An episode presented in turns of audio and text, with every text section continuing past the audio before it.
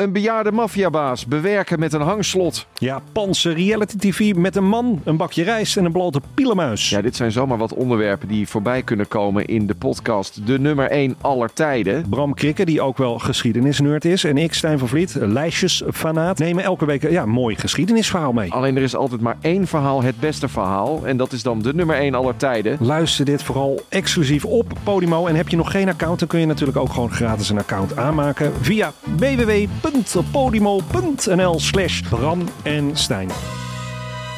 Dit programma wordt mede mogelijk gemaakt door Toto.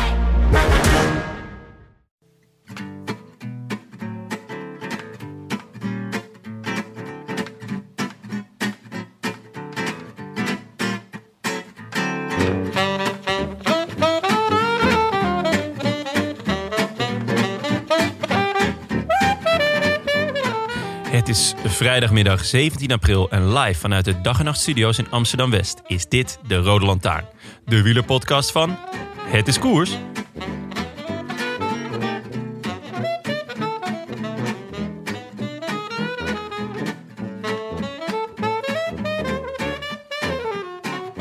Hij was een beetje ingedut, die Amstel Gold Race van ons. Ja, ja, prachtig Limburgs landschap. Ja, ja, bijna altijd een lekker zonnetje. Maar wat koop je daarvoor als het koersverloop net zo voorspelbaar is als het weer in Noord-Engeland? Hulde voor Leo van Vliet Koemswie daarom, die in 2017 besloten dat het zo niet langer kon. En de Kouberg resoluut een minder prominente rol in de finale gaven. Wat volgde was jaren van spektakel. Ingeleid door een vroege aanval van je boy Tisch in 2017. En afgemaakt door ons Tjeuken in de ongelofelijke, onvergetelijke en onvoorstelbare editie van 2019. Twee jaar eerder was het Michal Jaap Aap Kwiatkowski die de show stal. Maar het overwinningsatje in Bergen ter Blijt uiteindelijk aan een sterke berg moest laten. Tegenwind, hoe kan het ook anders in een Hollandse koers? Nummer 4 in spreidstand. Goed gezien hoor, van Philippe Gilbert. They've got a bit of time to play with, but they can't afford to mess about too much. 20 seconds will be shooting down so much. Kwiatkowski's there, they're gaining behind. It's probably very good news that there's no organisation at all behind. 600 metres, the Belgian champion waits, looks, tries to get Kwiatkowski in front of him. Gilbert, the three-time former winner. Kwiatkowski victorious two years ago, then in the rainbow jersey. It has been a brilliant race. It's been a hard race. It's been an open race. It's between Quickstep and Sky, Gilbert and Kwiatkowski. 350 now to go with Gilbert in front. Few white little few bike lengths there. And here goes Kwiatkowski. 300 metres to go. Kwiatkowski in front opens up a very, very big gap. And Gilbert, I think, is probably not going to be able to live with him. We shall see. But here comes Gilbert now gaining. Gilbert, has he timed it right? He might well have done. Gilbert on the right side coming through. Oh, Kwiatkowski's out of gas. It's four for Philippe Gilbert. I wish I could be in the south of France. In the south of France, sitting right next to you. Jongens, de vierde aflevering in eh, social distancing tijdperk. Even een eh, even checken weer. Hoe gaat het met jullie? Nou, Jonne, begin jij maar. Ja. kwam binnen met een hoofdpijn, zei je. Ja, dat, dat, eh, op zich gaat het heel goed. Maar eh, ik, heb, eh, ik ben dus niet een ochtendmens, zoals jullie weten. Eh, niet dat het nu ochtend is trouwens, maar eh, Ja, Voor soms... de luisteraar, 4 uur op vrijdagmiddag. Nee, soms, eh, ik, eh, dat, dat is een beetje stug ben ik 's ochtends. En ik heb een bepaald patroon eh, met, met eten en drinken. Ik drink eigenlijk, of ik drink eigenlijk alleen maar koffie tot een bepaald moment. Maar dat, die koffie heb ik wel redelijk snel nadat ik heb gedoucht nodig. En dat kwam er vandaag niet van, want mijn dochter wou naar de speeltuin op stel en sprong. Oh. En vaak neem ik dan even mijn koffie mee, maar dat had ik ook niet gedaan. Dus het was allemaal onhandig. Dus gingen de eentjes voeren en ik voelde zo langzaam die hoofdpijn omhoog komen. En op een gegeven moment was ze, nou ja, toch wel een keer of 17 van de glijbaan gegaan. Toen zei ik, ja, we moeten nu echt naar huis. eh, want jij moet slapen en papa moet koffie. Maar toen nog een laatste keer en toen, dat was hem. Eh, dus toen, eh, druppel. ja, het kwam langzaam het hoofdpijntje omhoog. Maar ik heb net een uh, ibuprofennetje erin geknald. En ik moet zeggen dat hij, de jeu begint er weer in te komen. Jeetje, wat een verhaal, Jonne. Ja. Jongen, jongen. Jij maakt dingen mee, hoor. Eentjes, koffie, glijbanen. Ik moet, eh, eh, jongens, we moeten die, die, die anderhalf uur vol krijgen, toch? En jij, Tim? Oh, ja, eh, nee, ik eh, goed eigenlijk. Ja? Ja, ik heb, eh, je begint zo langzaam een beetje zo in je ritme te komen. Hè? Maar ik mis, het, eh, mis de koers, mis ik wel. Hmm. En nu begin ik, eh, ja, net nu ze een soort van alternatieve koerskalender hebben samengesteld. Toch het gevoel te krijgen dat het er echt niet meer in zit dit jaar. Mij. Ja. En eh, jij, eh, snotneus, blo- bloedende oren, Nee hoor, ik ben, eigenlijk, jubeltenen. ik ben eigenlijk helemaal gezond. Nou. Ja, af en toe nog een kuchje, maar dat, is, eh, dat, dat heb ik altijd. Wat heb jij voor trui aan? vandaag? Ja, je begint je wel steeds minder te kleden. Ik heb me speciaal voor jullie feestelijk aangekleed. Ik denk, het, eh, ja, ik heb hoofdpijn, maar laat ik het niet laten zien. Het uh, Ermerijnse Heuvelplein eh, Breda Maan. Het is, mijn, is een trui van mijn oom die vroeger een eigen groentezaak had in Breda. en, eh, en die had een heleboel truien over en die heb ik allemaal overgenomen. En die zitten heel fijn. Ah, Er staat heel je, hebt, groot je, groente, fruit, zuivel achterop. je hebt er gewoon meerdere. Het is niet dat ik een eh, privé-sponsor heb inmiddels. Nou, Mooi geweest, maar dat is... ik heb die fiets gekregen, gezien die jij van Canyon hebt gehad. En wij niet, Tim. Ja, nee, dat is zo gaaf. Eh, Bruikleen, hè, bruikleen. oh, bruiklijn, ja, Mhm. ja, tuurlijk. Net zoals die trui zeker. Ja, zeker. Nee, maar verder, verder gaat het uitstekend. Wij, wij eh, in Huizen Dudok wordt eh, voorbereid op de feestweek... waarin zowel de zoon als de dochter eh, hun verjaardag gaan vieren. Oh ja, daarbij zijn jullie wekenlang op aan het voorbereiden. Zeker. Wat hamsteren, taarten bakken. Mijn zoon, mijn zoon wordt vier. En, eh, dus ik vroeg hem, eh, ik vroeg hem eh, hij, is- hij is nu, kom je een beetje in de leeftijd dat je, dat je een beetje activiteiten mag gaan doen, zeg maar, in georganiseerd verband. Dus ik vroeg hem welke sport wil je gaan doen. Toen dacht hij zo eens na en toen zei hij fietsen. Echt? Oeh, Ja. En eh, toen even later, eh, toen eh, was, had hij nog eens over nagedacht. Want hij heeft een mooie zwarte loopfiets waar hij dan waar hij de hele tijd op zit. En ehm, toen had hij nog, ging hij nog eens nadenken. Toen zei hij, vechtfietsen, zei hij toen. Zo, zeg maar zoiets als eh Nasser Bouhanni. eh, chessboxing. Ja, Gianni. Gianni Moscon. Ja, Ja, ja, ja vecht, vechtfietsen. dat is wel een van het type rennen dat we nog niet hebben in Nederland. Hè? Nee, precies. echte vechtfietsen. Nou ja, en, eh, hij komt eraan. Noah Dudok. Ah. Ja, Jeroen, naam Ah. in de gaten. Ja, La- Lars Boom is natuurlijk gestopt nu. Hè? Dus ja, Jeroen echt, Blijlevens viel ook al in die categorie. Dat is waar, ja. ja. hij, heeft, hij heeft mooie voorbeelden. Ja. Ja, maar ja, Leuk. dus, de, volgende, de volgende generatie vechtfietsers komt eraan. Maar, maar Als hij maar geen voetballer wordt, ze schoppen misschien over dood, hè? Ja. Dus, eh, hè? Even nog even iets anders. Want Jonne, jij bent eh, afgelopen week op de radio geweest om even de nieuwe wielerkalender te duiden. Wat, voor- wat, eh, wat vond je van... op eh, de radio geweest vind ik een groot woord, hoor. Wat was het? Q-Music, toch? Q-Music, ja. Die, ben je toch op de radio geweest? Of, Nou ja, ik werd gevraagd of, of ze even mochten bellen. Toen zei ik, nou prima. Toen werd ik gebeld. En toen eh, eh, hadden, ze, hadden ze geen plek meer voor me. Oh, dus je moest... moest een quoteje inspreken. oh, maar zo, zo ben je ook het beste, weet je wel. Al deze mensen... Geen Hoeveel, tegenspraak luister, hoeveel luisteraars we hadden gehad als we gewoon alleen maar een quoteje van jou elke aflevering Maar hoe, eh, die, over die wielerkalender, hè? Wat, eh, Ja. wat vind je, wat, hoe, Nou, erover? moet misschien nog wel even door wat de wielerkalender is dan. Wat de nieuwe wielerkalender wordt. Nou, ze hebben alles naar het eh, najaar verschoven. En ze denken, we gaan gewoon een paar grote rondes achter elkaar doen. Ja. Ja, En de, dan- tour, de, de Tour, volgens mij, er wordt gesproken over een hele nieuwe wielerkalender. Maar volgens mij is de Tour staat gewoon vast. Van, die begint 29 augustus tot eh, nou, drie weken later. En dan een week daarna, of eigenlijk op de zondag dat de Tour eindigt, is het eh, wereldkampioenschap tijdrijden. Wat ik Mhm. al wel, eh, dat kan je toch ook een dag later doen, lijkt mij. En dan, de, de, dus een week na de laatste etappe in de Tour, is, is het WK. Dat zijn volgens mij de dingen die echt al helemaal vaststaan, toch? Ja, en dan, zou- dan zou het idee zijn om nog eh, grote rondes erachteraan te doen. Ja. Om alsnog eh, de Giro en de Vuelta te doen. Ja. En dan is ook nog het idee van de, Vlaamse, van de organisatie van de Vlaamse voorjaarsklassiekers... om daarna ook nog Alle monumenten. alle monumenten Er, daarna nog? Volgens mij wel. Dus we gaan door tot in eh, december. Dus gewoon... eh. Dat is wel lekker zeg. Nou, zo, zo, eh, zo erg is het niet. Want Kunnen we de Ronde van Vlaanderen vragen voor Sinterklaas? Nee, dat je gewoon op tweede kerstdag lekker die pootjes omhoog, uitbuiken. Ja. En lekker de strade Bianca.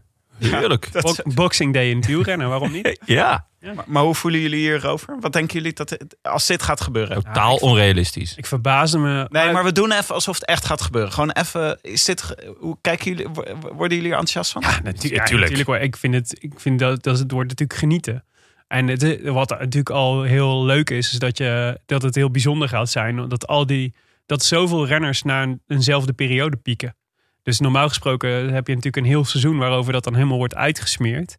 En nu is het in een, in een relatief korte periode worden er heel veel koersen gedaan. Waardoor je volgens mij heel veel verschillende soorten renners op hetzelfde moment in piek, in een piek zit. Eh, dus kun je in één keer veel, kun je in één keer veel meer, of krijg je in één keer heel andere vergelijkingen en ook heel andere koersen. Dus dat is natuurlijk echt Ja, gek en ik, ik leuk denk om uit eh, En super onvoorspelbaar. ja, dat er, en dat er andere renners ook boven komen drijven. Sommige Ja. renners zijn nou eenmaal beter in het voorjaar dan in het najaar. Sommige, eh, dat, dat kan natuurlijk ook gewoon te maken hebben met de lengte van een seizoen. Ja. Dat zal nu dan minder zijn. Maar ja, sommige zijn gewoon echt wel beter in het najaar. Ja, zeker als je bijvoorbeeld last hebt van hooikoorts. Dan is Bijvoorbeeld het zoals ik. Ik ben echt goed in het najaar. Ja. Ja. Was jullie dat al eens opgevallen? Maar oh, oh, Nee, jij bent altijd juist helemaal opgebrand bij de Vuelta. Ja, het is ei- dat is einde zomer. Ja. Dan ben ik vaak ook dronken. Ja, dat is zo. En dan, eh, dan maar overal, overal verbaas ik me wel een beetje over de, de soort enthousiaste reacties op de, op de nieuwe kalender van de ASO. Er zat, natuurlijk heel veel opluchting in. Van de, maar het, het voelt ook een beetje als een soort vals perspectief, heb ik het idee. Want het is, de ASO kan natuurlijk wel zeggen van we gaan lekker een Tour de France organiseren. Of, eh, of eh, de Vuelta gaat naar die, eh, die en die, die datum. Maar ja, kijk, uiteindelijk, daar gaan ze natuurlijk helemaal niet over. Dat is natuurlijk gewoon, je hebt natuurlijk de overheid nodig die dat moet goedkeuren. En ik, ik kan me in deze situatie nog echt heel moeilijk voorstellen dat je gaat toestaan dat een Tour de France in augustus eh, een realistische mogelijkheid is. Als je nagaat van wat dat, voor, wat dat voor koers is en hoeveel verplaatsingen, hoe internationaal totaal circus dat is. Dat is gewoon een, Ja.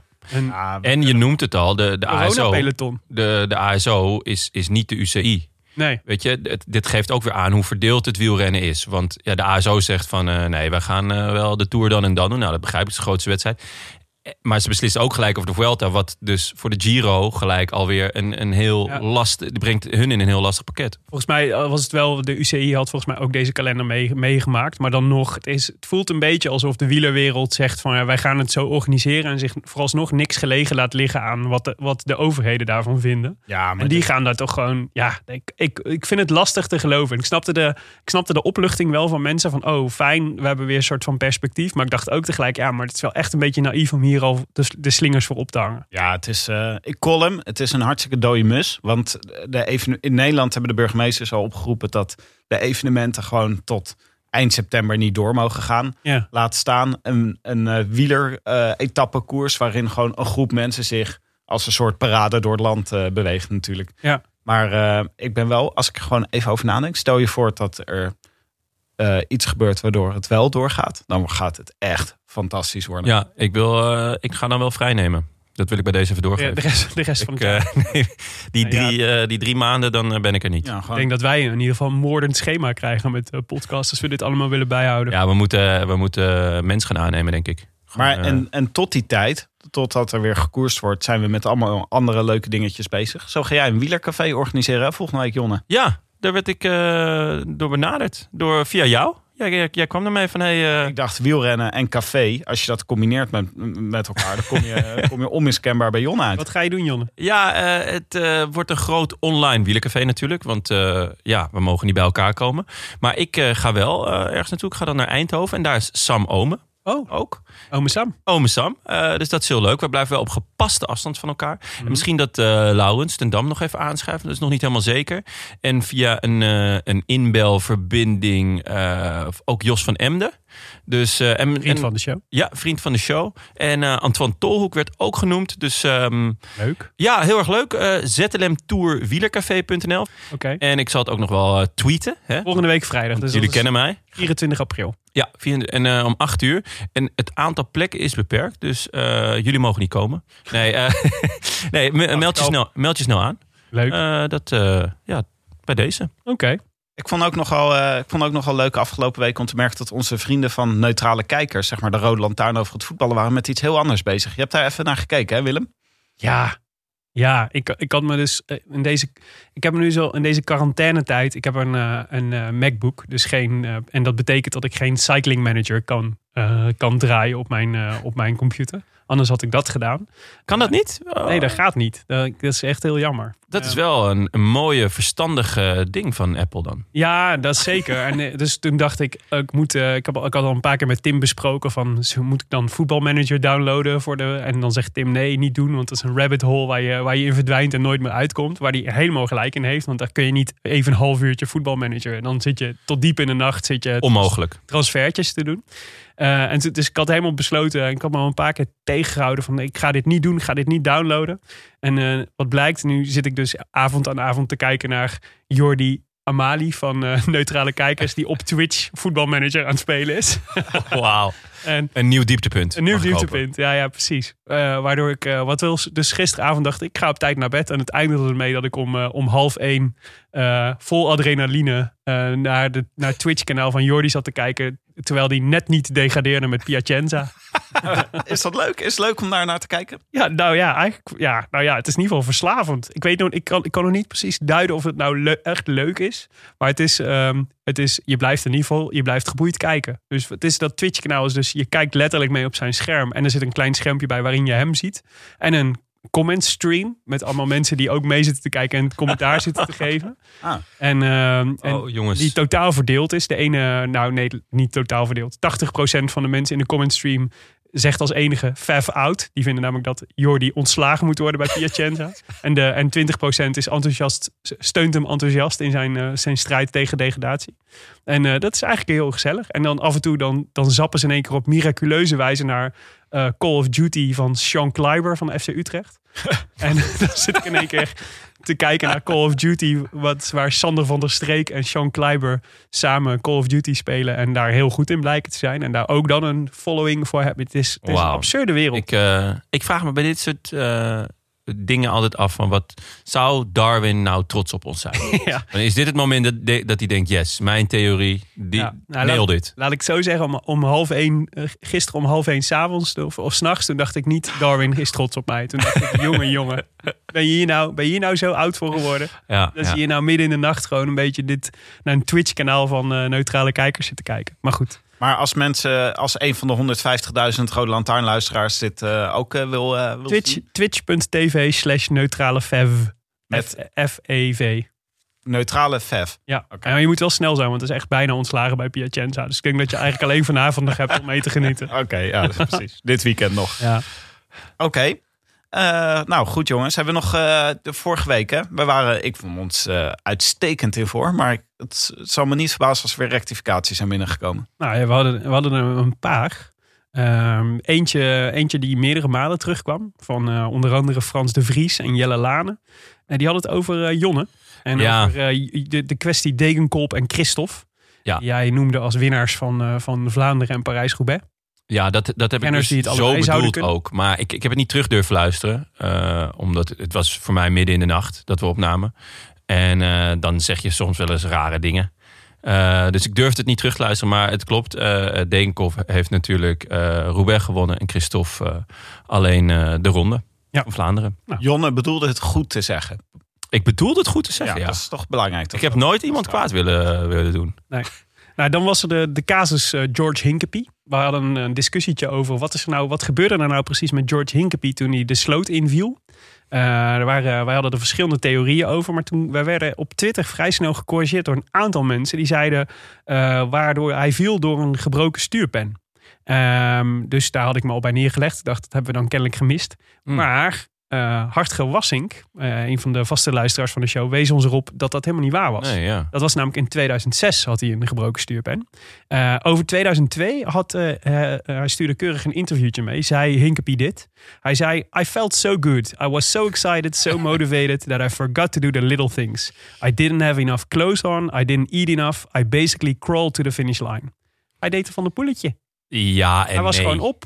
Ja, eh, zo, zo heb ik net ook mijn blunder uitgelegd. Van ja, ik, ik was, het, ging zo, het ging zo goed met mij dat ik eh, het allemaal niet. Ja, dit is ook wel heel Amerikaans. Ik was zo goed en daardoor heb ik het allemaal niet, eh, niet, niet, niet opgelet. Ja, dit is toch een heel matig excuus van George. Ja, maar een, eh, veel beter excuus zou zijn. Ik was supergoed met mijn stuurpen brak af. Ik vind dit eigenlijk wel leuk dat hij dit zegt. Dat hij zegt eigenlijk gewoon: ja, eh, ik heb het slecht gedaan, want ik heb niet gegeten. Ja. Ik ben het eens met Tim hoor. Ja? Deze. Thanks. Willem. Soms kan ik dit steuntje de rug wel gebruiken. Walgelijk, echt walgelijk. Hartgewassing had De nog sfeer een, slaat om. had nog een andere had nog een aanvulling. Eh, want we hadden natuurlijk eh, Tristan Hofman aan de telefoon eh, vorige week. Wat hartstikke leuk was. Eh, en die schreef, ja, over Tristan Hofman is vorig jaar ook een biografie verschenen. Geschreven door Rick Gokkel. En weliswaar in eigen beheer. Rick Gokkel, dat lijkt me weer een naam waarvan jij denkt dat hij verzonnen is. Ja, zeker. Weer een pseudoniem van mij. Dat vind ik van Hartger Wassink ook. Eh, en hij schrijft: In het genre is het zeker geen slecht boek. Dus voor wie zijn wiel- wielerbibliotheek compleet wil hebben, eh, daarvoor, je moet voor die bi- eh, biografie wel even naar Groenlo fietsen. Eh, eh, en dan naar Goossens tweewielers gaan. Eh, die wielerzaak is de omweg waard, zegt, eh zegt Hartger. Want dat is zo'n beetje de enige plek waar je die biografie kunt kopen. En dat is extra leuk, want ik had dus een uurtje over deze week. En toen ben ik even naar... Nee, geintje is niet waar. nee, ik zag jullie ogen steeds groter worden. Ik denk, kijk of het lukt. Nee, ja, leuk. Zeker. Absoluut aanraden. Nou, en we hadden nog, eh, we hadden natuurlijk uitgebreid besproken de, de kwestie Museeuw. Eh, en daar hadden we wel een aantal interessante, eh, kregen we een aantal interessante reacties op. Zeer interessante reacties mogen we wel stellen. Ja, het ging natuurlijk over, eh, over de, de prestatie van Museeuw in 2002. En of dat nou al dan niet met behulp van Wespen tot stand gekomen was, die, die prestatie. En met Wespen bedoelden we de, de codenaam voor de, het middel wat hij van de veearts Landuit zou hebben gekregen. Wat hij ook bekend heeft dat hij in de nadagen van zijn carrière... De laatste jaren. De laatste jaren. Ja, En dan waar die laatste jaren beginnen is niet helemaal duidelijk. Nee, dat zegt Vincent van der Put. Die stuurde ons een, eh, een, eh, een uitgebreide mail. En die schreef over de prestaties eh, van Museeuw en hoe we die moeten du- duiden. Het leidt voor mij geen twijfel dat hij al zijn grote prestaties met doping geleverd heeft. Uiteraard de Parijs-Roubaix van 2002 met de hulp van Landuit en zijn wespen. Maar voordien ook al, toen het dopinggebruik nog binnen de ploegen georganiseerd werd. Museeuw beleefde zijn beste jaren in de hoogtijdagen van de EPO in Italiaanse loondienst. Dat zegt genoeg. Denk aan het WK in 1996. Op een klimmerparcours reed Museeuw, notabene ooit begonnen als spurter, de hele boel aan Vlaarden. Museeuw was overigens mijn jeugdheld, zegt hij erbij. Eh, en dan vervolgt hij: Het duiden is naar mijn gevoel wel veel moeilijker geworden na Festina 98. Want de grote meerderheid bleef doping gebruiken. Maar er zal mogelijk wel meer koren tussen het kaf. Met name bij de eendagsrenners. De jonge bonen, hadden we het namelijk ook over.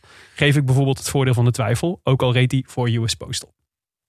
Heel netjes. Mooi. Zeker. En, ehm, dus dat was één perspectief. En waarvan ik dacht, dit is eigenlijk wel, eh, dit is misschien wel een mooie samenvatting van hoe wij er ook over dachten. Ja. Eh, en we kregen ook nog een andere, want het ging natuurlijk over hoe eh, goed, hoe makkelijk Museeuw er eigenlijk van afgekomen was met zijn dopingbekentenis.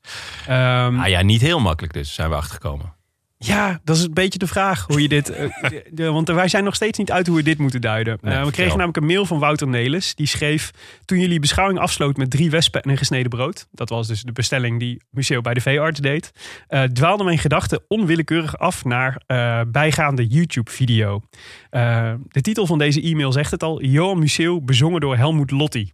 Een van de, absurdis, de meest absurde, absurde clips die ik ooit gezien of gehoord heb. En daar is echt geen woord van gelogen. Laten we, er mensen. even, laten we er even naar luisteren.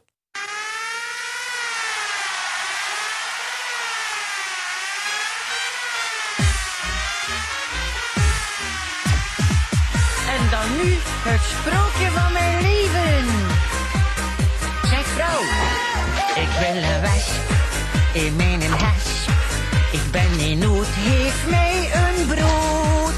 Een gesneden als het kan, want daar vlieg ik rapper van. En geen gezever, doe mij ook maar een kever. Ik wil er drie in mijn knie. En voor de start graag Schotse whisky. Giet er ook maar in mijn pul, want ik zweer het u, dan zult de mij zien gaan vol euforie. Krijg ik die veiligheid niet nodig, jong, van zijn leven niet. Deze was flauwekul, nu komt mijn ware verhaal. Het verhaal van vallen en opstaan. Niet opgeven en doorgaan en van mijn laatste grote droom. Oké. Wat is dit nou, joh? Ja, even, even voor de duidelijkheid. Op de YouTube-video die we natuurlijk ook wel even eh, op de social media zullen delen... zie je dus eh, Helmoet Lotti in een eh, De Koning Quickstep shirtje ja, zitten op een home trainer naast zijn zwembad... die de, de, het leven van Johan Museeuw bezingt. Ehm, en ehm, Wouter Nelis schrijft erbij... Lang heb ik gedacht dat dit om satire ging. Waarschijnlijk doordat het voornamelijk het in het eerste couplet in mijn geheugen is blijven hangen. Waarin dus eigenlijk de, de, de, de relatie met Landuit... eh, eh, wordt bezongen. En eh, waarin de grote museum ge- genadeloos van zijn sokkel wordt gezongen, zegt, eh, zegt eh, Wouter. Maar nu ik het nog een keer beluister, twijfel ik aan mijn eerste oordeel. Jullie conclusie dat Museeuw vrij eenvoudig is weggekomen met de hele affaire bevestigt een beeld van een idolaat België. In dat geval betreft het mogelijk een lofzang. Ja, Hoe moeten we deze, nou ja, laten we eerst even... song duiden? Laten we eerst even gewoon de drie elementen pakken. Angelotti, nee, eh Helmut Lotti, Ja. sorry. Eh Johan Museo en dan Anton Austirol. Dat zijn drie elementen waarvan ik dacht, die komen nooit bij elkaar. Maar ja, dat het zo bij elkaar gekomen is als een soort Captain Planet, dat vind ik echt fenomenaal.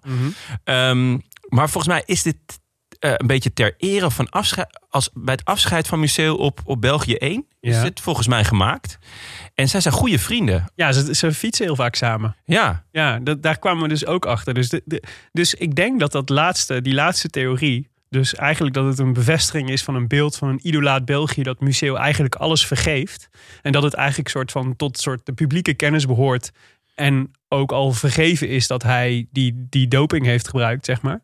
Dat iedereen dat gewoon maar ook, dat dat, dat dan maar oké is of zo.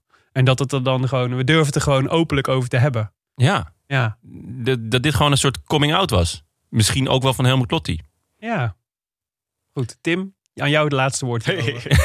Tim is een beetje stilgeslagen. Ik ben, eh, ik, ik, ben, ik ben echt totaal verbaasd met waarnaar ik zit te luisteren. Het is zo'n rare tijd geweest. Ik denk, eh, ik ben, blijf gewoon doping agnost. Het zal wel. Er zit ook die, die clip erbij is ook totale waanzin. Het is, het is Ja. totale waanzin. Het is leuk om het. Je moet het echt even kijken. Ja, Dit is, dit is een clip die je maakt als je drie wespen en een gesneden brood op hebt.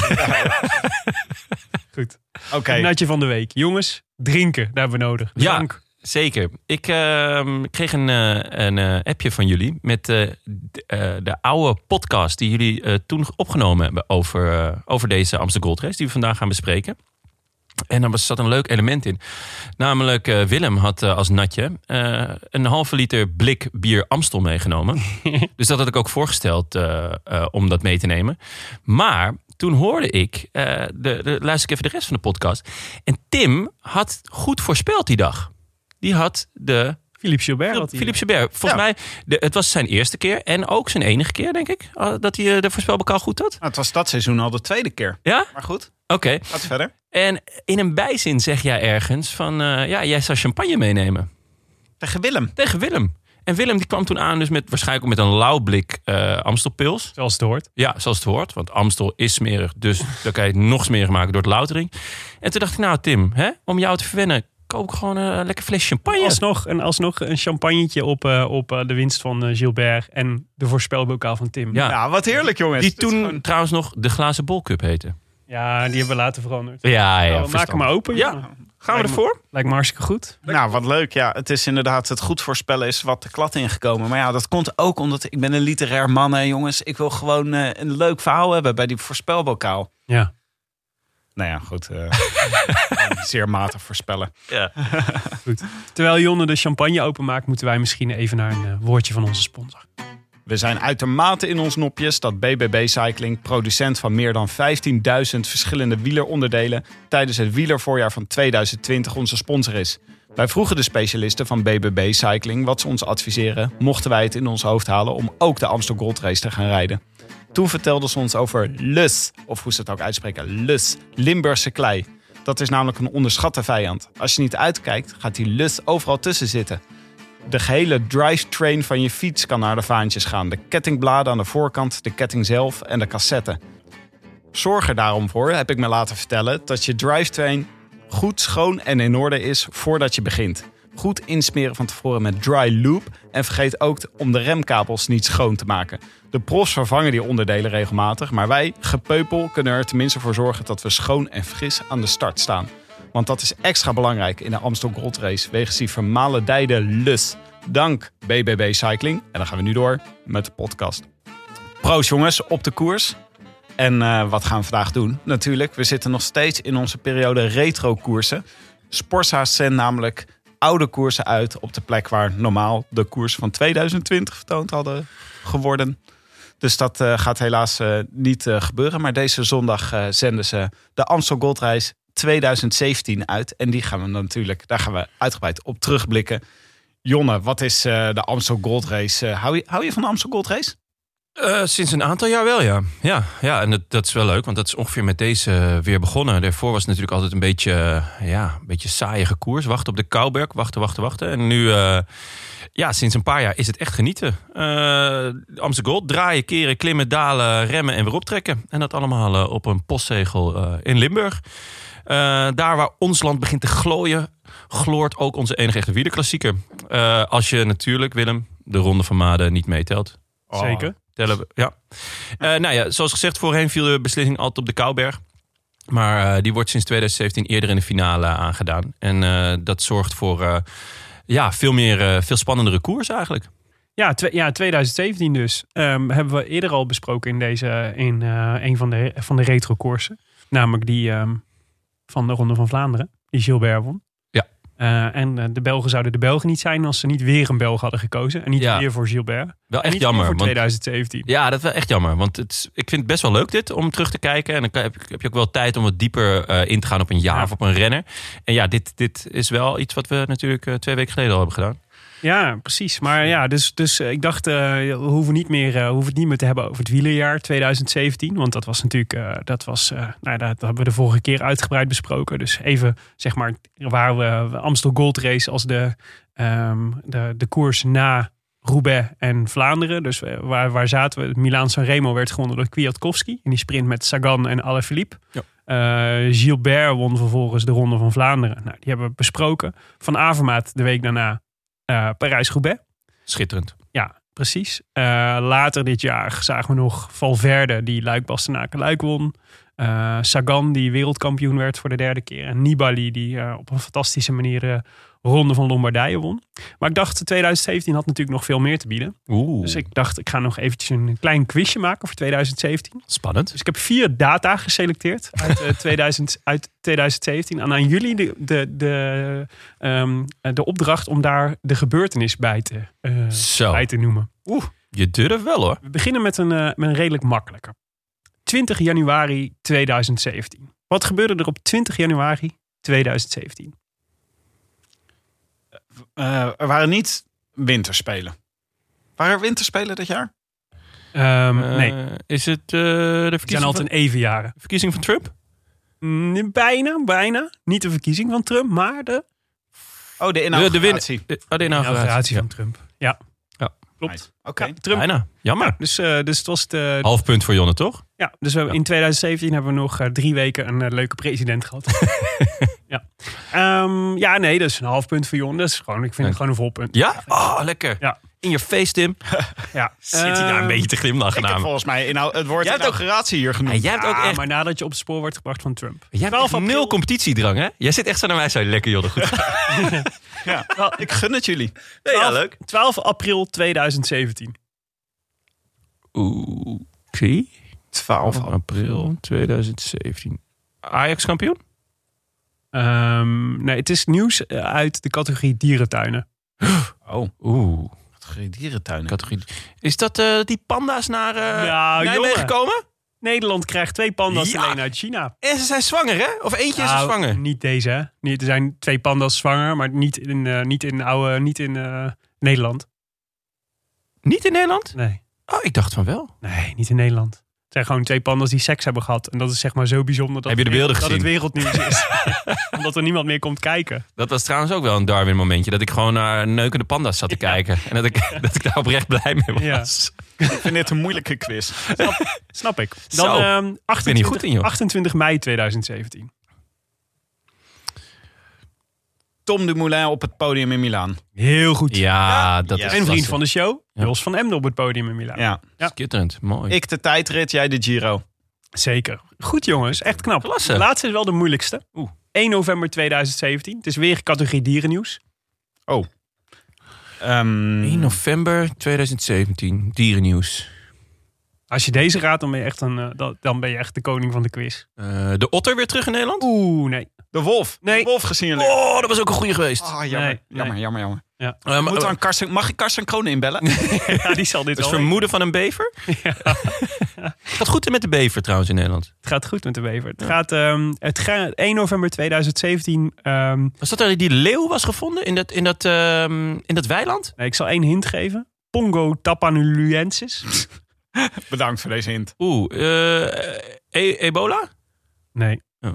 Op eh, Sumatra werd een nieuwe soort orang-oetang ontdekt. Wow. Zo, ja. Nee. En dat Nee, was heel die, bijzonder. eh, Als jullie, eh, als je aan jullie... eh, Hartstikke leuk. nee, dat zijn mij voorbij gaan. Ik zat toen met die leeuw die in een, in een weiland was Nee, gevonden. een nieuwe orang-oetang. En die, wat er bijzonder aan was, was dat hij een heel plat gezicht had. En waarom is een orang-oetang bijzonder? Is omdat het natuurlijk een, een, eh, een eh, mensaap is. Dus een afgeleide is van de mens. Ja. Ik weet niet precies hoe het biologisch zit. Maar ze zijn in ieder geval familie van ons. Ja. Maar deze had dus een heel plat, een heel plat gezicht. En een, en een, eh, en een baard.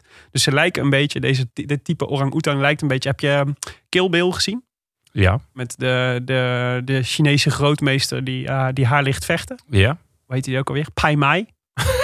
Pai Mai. Daar lijkt hij een beetje op. Met. Zo'n lange, zo'n lange baard. Dus het ziet eruit als een hele wijze orang-oetang. Nou, wat mij betreft kunnen er niet genoeg verschillende soorten or- orang-oetang zijn. ja Wat mij ook, daarom Ik ken een heel flauwe mop over orang-oetangs. God, ja, Mag ik hem aan het einde zitten er doen? wel lekker in. Ja, doe hem aan het einde. Ah, helemaal aan het einde doen hem. Als, als toetje. Als toetje. Goed. De koers. Eh, want het, we hebben het natuurlijk over 2017. Wij eh, zaten te hopen op eh, 2019. Mathieu van der Poel, die de NOS gaat eh, herhalen. De Sporza kiest voor 2017. En dus gaan wij het daar ook over hebben. Ehm, 2017 begon, eh, de uitzending begon om twee uur. En wie zagen we in de vroege vlucht? Yes, Lars Boom. Lars Boom. Die hebben echt lang in de vro- vroege, eh, vroeg, Vroege vlucht. gereden. Klap het, Tim. Klap het. Ja. Vroege vlucht. Vroege vlucht gereden. Vroege vlucht. Ja. Maar, maar dat was, het maakte ons destijds boos. Omdat we vonden dat eh, Lars Boom niet in de vroege vlucht hoort te zitten. Nee, vond ik nog steeds. Ja. Ja, Dus dat was, eh, dat was spijtig om te zien. Toen dachten we, ja hallo, jij behoort in de finale te rijden, niet hier. nee. En dan, eh, dus dat zien, wij, daar, dat zien wij in het begin. Dat is het beeld van het begin. Ja, Dan- dan is eigenlijk het volgende wapenfeit is dat ze worden ingelopen. En op 39 kilometer voor de finish wordt de Kruisberg beklommen. En dan zien we onze boy Ties Benoot in de aanval. En eh, Gilbert zit gelijk in zijn wiel. Het is echt een prachtige aanval trouwens van Gilbert. Echt eh, op zijn Aroes, vol met vuurwerk en eh Vangelis op de achtergrond. prachtige aanval. ja. Gilbert in zijn wiel. Eh Bert-Jan Lindeman, die volgens mij die dag als kopman van eh, Jumbo rondrijdt. Samen met eh, Juan José Lobato. Ook wel bekend als Slobato. Ja, Lobato, waarvan wij eh, destijds in de podcast het bestaan eh, in twijfel trokken. Ja. En nog steeds is het de vraag hoor. Ja, ik, Ik heb hem al in geen jaren gezien. Zeker niet na die slaappillenaffaire natuurlijk. ja dus het is eh, zeer onduidelijk of die ooit bestaan heeft. We zien ook Henao Albassini en Jon Isagire eh, zien we in het eh, groepje geraken. En dat is eigenlijk best wel een belangrijk moment, want eh, er zitten dan ook een aantal mannen zitten erachter. Onder meer Kwiatkowski, die op eh 10 kilometer later wel de overstap waagt. Ja, dus hij zat, Kwiatkowski zat in een groepje met eh, Van Avermaat en Valverde met name. Hè, die de, allebei eigenlijk de slag hadden gemist. Ja, Valverde die ging ook niet rijden, want eh Rogas eh, die... eh, Ja, dat zeiden jullie toen ter tijd.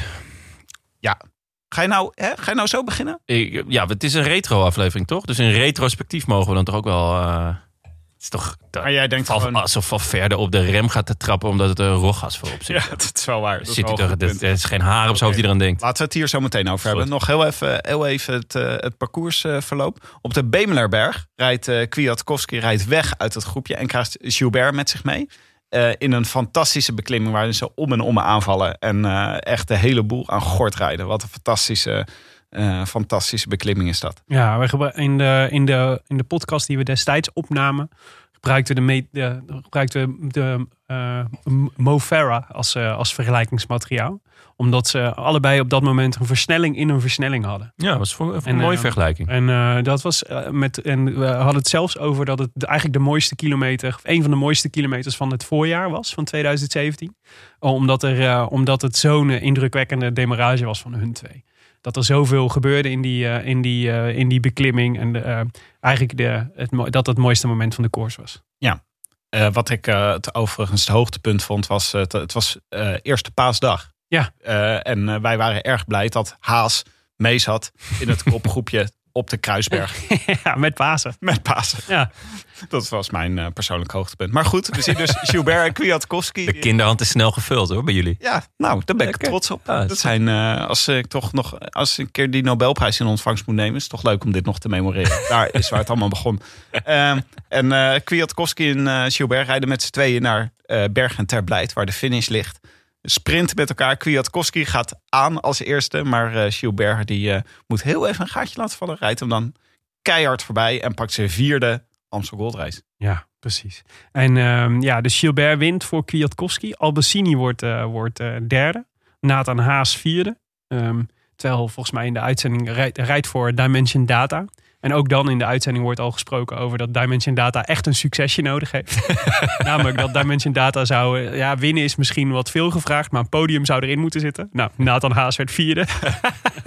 Oh, arme jongen. Rogas wordt vijfde. Sergio Henao eh, zesde. Izagirre zeven. Michael Gogol achtste. Colbrelli negen. En Michael Matthews tien.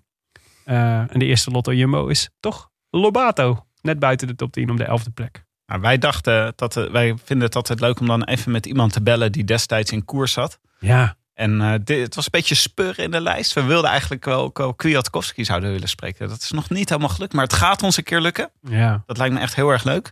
Eh, maar wat ook leuk is, is dat wij zitten dus de hele tijd naar Rob Hedge te luisteren. Die het commentaar geeft op Eurosport, vaak. Ja, En eh, als je op YouTube zoekt naar races en je wil ze gewoon een, eh, bijna helemaal terugkijken, dan zit je heel vaak naar hem te luisteren. ja. ja en ik gebruik hem vaak eh, in dat fragmentje van de laatste kilometer. Omdat hij zo lekker... eh, hij, is, ja, ja, hij gaat echt zo naar een goede apotheose. Ja, dat kan hij supergoed. Hij speelt ook altijd een, eh, in de laatste... ehm, eh, we hebben het vaak over de, die documentaires van Sporza, over de ronde. Dit is zeg maar de, de, de aftermovie van de Ronde van Vlaanderen... die eh Sporza de laatste jaren steeds maakt. Mhm. Over de ronde 101 tot en met 103 staan allemaal op YouTube. Zijn allemaal zeer de moeite waard om te, om te bekijken. Eh, maar daar speelt hij ook altijd een belangrijke rol in. Hij is altijd vaak een van de commentatoren die dan gevolgd wordt. Een soort van buitenlands perspectief. En omdat natuurlijk de Amstel Gold Race een Nederlandse, Nederlandse koers was, dacht ik, het is eigenlijk ook wel heel leuk om een keer gewoon een buitenlander te horen over hoe ze dat nou eigenlijk beleven, een Nederlandse koers. Eh, dus belden we even met eh, Rob Hedge.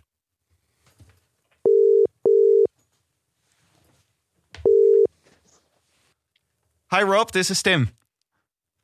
Hey Tim, how you doing? Hey, good to speak to you. Where, where are you currently? Are you in uh, in Spain or are you in Britain?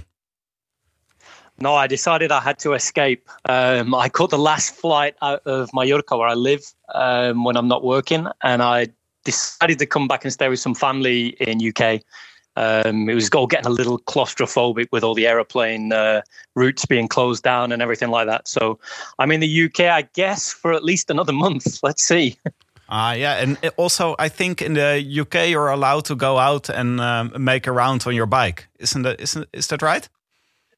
That's correct. That makes a massive difference. Um, at the minute, I'm using Zwift and riding on the turbo trainer, but I'm going for a run maybe every one or two, three days. Um, just some fresh air. It's it makes a big difference, and and we're actually pretty rarely because I'm from the north of England originally as well. We're actually blessed with good weather. It hasn't rained for about three weeks, so it's a miracle, really. Sounds like exactly it's exactly the same for us at the moment. We're also on Swift. Yeah. We're going out every now and then because it's sunny. How how is life for you at uh, Eurosport in this meager days of sport? Um, it's pretty quiet. Uh, I've just been trying to set up thinking about the future actually and broadcasting from home. Certainly, if uh, the economic impact of all of this uh, is going to make it difficult to travel, and a lot of companies, I think, in whatever line of work, will have realized that a lot of people can work from home now.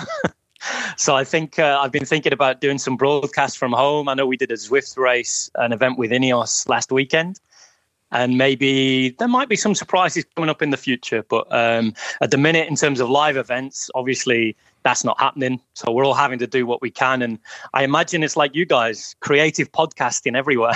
yeah, yeah, exactly. So we're doing uh, here on Sportza, which is the Belgian sports and uh, sports broadcaster. They're doing uh, ret- retro uh, races, so they're doing old races from a couple of years ago, just rebroadcasting the whole race. And uh, we wanted to talk to you about the Amstel Gold Race because we hear your voice all the time because your voice is on Eurosport and it's every time we we watch back a race we hear your voice. So it's good to talk to you. and uh, can you uh, how do you how do you look at the Amstel Gold Race? What kind of race is it for you? It's a race for, for me has changed in the last three or four years. It, being truly honest, possibly as a result of where it comes in the calendar after the Flemish Classics, the cobbles, and all the excitement. It was. I always felt like I was a bit race hungover by the time I got to Amstel Gold, and mainly as well because we always knew what was going to happen. We knew that the fans would be great and it would be brilliant in Maastricht at the start of the day and uh, and Falkenberg at the end of the day, but we knew that everybody would be waiting for the Kaalberg. and for commentary, we were thinking, okay, what are we going to fill these three hours with talking about while we wait for the move? but in 2017, thankfully, the organisers changed things.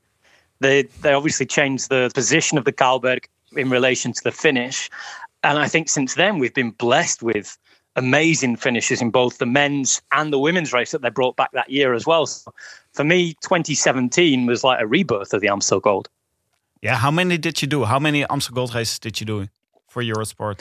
Um, off the top of my head, I mean, I work at the Amstel Gold. I actually work uh, not directly for Eurosport. I work for the organisers, um, ah. and sometimes it ends up on Eurosport on Australian TV because I mean the the industry, the way that the the commentating and the broadcast industry is in UK, we're all freelancers. Nobody has a contract with anybody. It's not like Michel and Jose are in in Belgium. Um, and I know, you know, you have guys in Netherlands as well. You used to have the Martin Smeds who used to host everything, and obviously Martin de Croo works there now, doesn't he? Yeah. Um, and, and those are guys that are all on contracts who work for the same channel. For us, it's slightly different in that we're freelancers. But um, in terms of how many Amstel Gold, oof, I would say maybe eight or nine uh, off the top of my head. What's the first um, one you remember? Um, good question.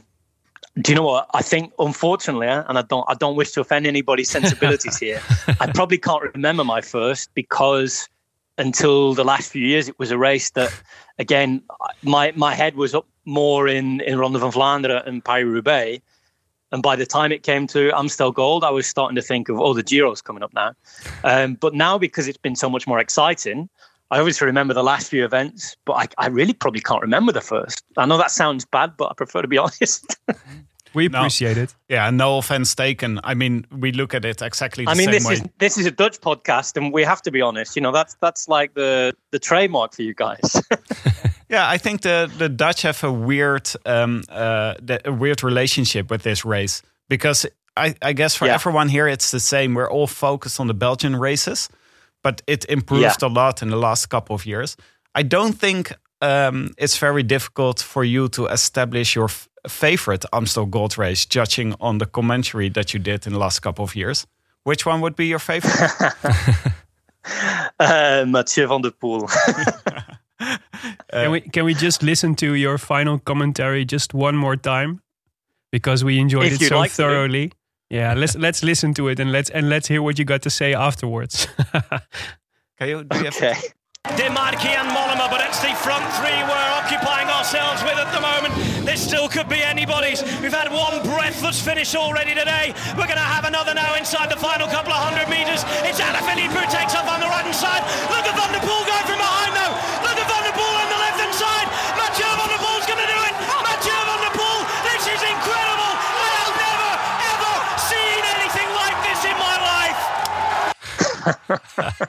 so that was pretty cool.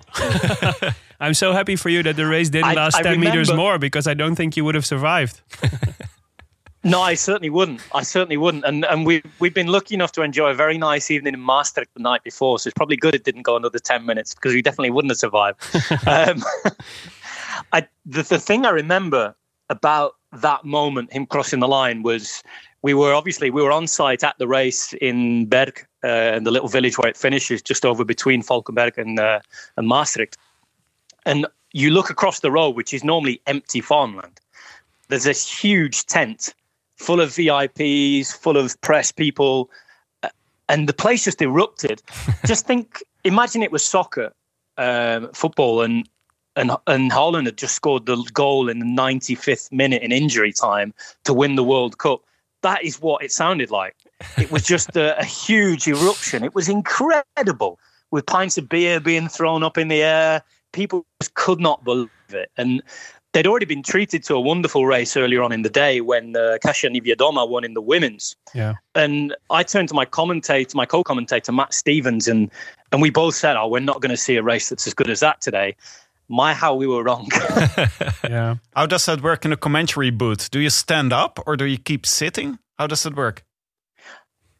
Uh, it depends on the person. I have to say, much probably to the annoyance of people who are close by me, uh, I'm very loud and I move a lot. and I'm pretty sure that sometimes I look around and Jose is there and who's the most calm person ever, Jose Cauer. and he'll he'll probably give me a look who's like, God, these new kids, Uh, they move just- too much. Just wait Uh, until they're Greg van. Avermaet wins. Ah, exactly. Yeah. Then Jose is jumping. um, but I I know that um, everybody has their different style. I mean, I love watching and listening and talking to Michelle and Jose and, and a lot of our other colleagues as well, just because of the knowledge they bring to it and the experience they have. But I have to admit, to on that day, I was standing for at least the last kilometre, and I know I ended up on my knees actually in the box. Um, my co-commentator was laughing. If you listen really hard, you can hear somebody laughing just Yeah. as Van der Poel crosses the line, and that is Matt Stevens because he could not believe it either. And he was, you know, he he's just a huge cycling fan. He was a pro as well, but you know, cycling is his is his life, and and he just was overcome with joy, and he was laughing about it, and I was just an incredible moment. And there are a lot of races that I struggle to remember because obviously, you know, we're, we're very lucky to do what we do in terms of a job. You know, it's not really a job, is it? We're being paid to do something we love. Um, but like any job, there are days that just end up being working days and you don't particularly remember them. But that day, I'm, I'm pretty sure I will remember forever. Yeah. We, we consider it one of the great cycling highlights of the last decade, to be honest. Uh, or e- or even or even further as well. I mean, there there are going to be very few days in professional sport like that. Just with everything that happened as well. If you think about what happened the week before in, in uh, on the way to Aldenarde, crash coming back.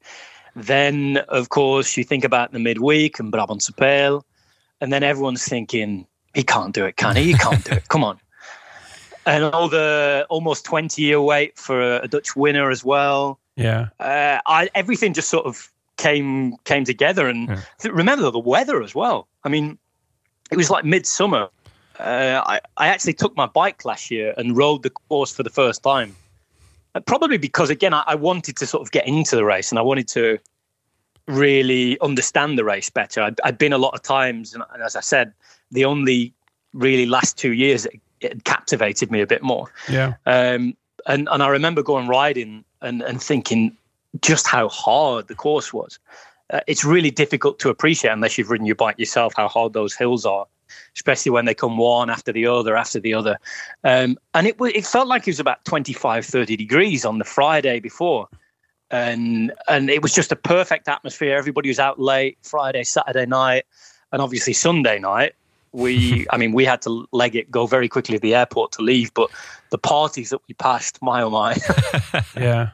It was fantastic. Yeah, we we actually have um, uh, a drawing of, of this winning in our um, in our recording studio.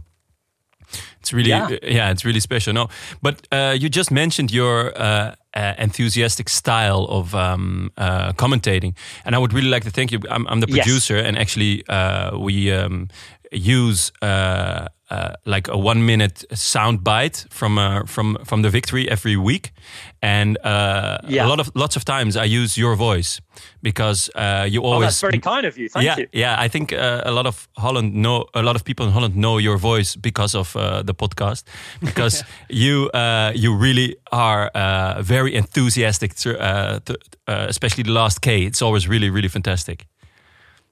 oh thank you very much i really appreciate that but i mean if you can't get enthusiastic about sport and things that are meant to entertain us then then what can you get enthusiastic about in life that's a, that's what i always think i mean there there is light and shade. I think that is really important in commentary. You can't be screaming for three hours, obviously, because that would annoy people. But I think if you use the the raised tone, the energy at the right time, then it can have an effect. So, you know what it's like when you're watching maybe um, a flat Tour de France stage in the first week. You might be half asleep at home, having a bit of a siesta in the afternoon. Yeah, that's great. Certainly during the World España, I know that I've done that in the past when I've been at home in Spain. Yeah. Um, but if something happens, like a crash, you want to know, especially if you're sort of only watching half-heartedly. You might be replying to some messages on your phone or eating some lunch or talking to somebody, and suddenly a crash happens. The commentator, I think, at that moment should raise their voice Yeah. because that is when everybody's attention needs to be paid to it. And certainly when you're broadcasting in a sport that lasts for so long and and often when nothing happens for so long, I think those changes of tones and and things like that are really quite important. But but thank you very much. Yeah, I'll, uh, work- I'll start listening to the podcast because I need to improve my Dutch, which is awful. So there we go. So That's a deal. So the, today's podcast is about the 2017 uh, Amstel Gold Race, the one uh, that Philippe Gilbert won, um, beating. Yes, uh, his fourth win. Yeah, and it was the first time on the new course with uh, the Cowberg less prominent in the finale. What is it you re- Yeah. you remember most about that edition? Like for like the in the race itself, like the with the so it it was less boring than than previous years, of course. but but what else do you remember? I remember the last hour or so was full gas. Really, I think it was the the Krausberg, maybe forty kilometers to go, something like that, and a move went. Yeah, Um, and then there was a really good group. I remember uh, Kwiatkowski looking amazing so early on.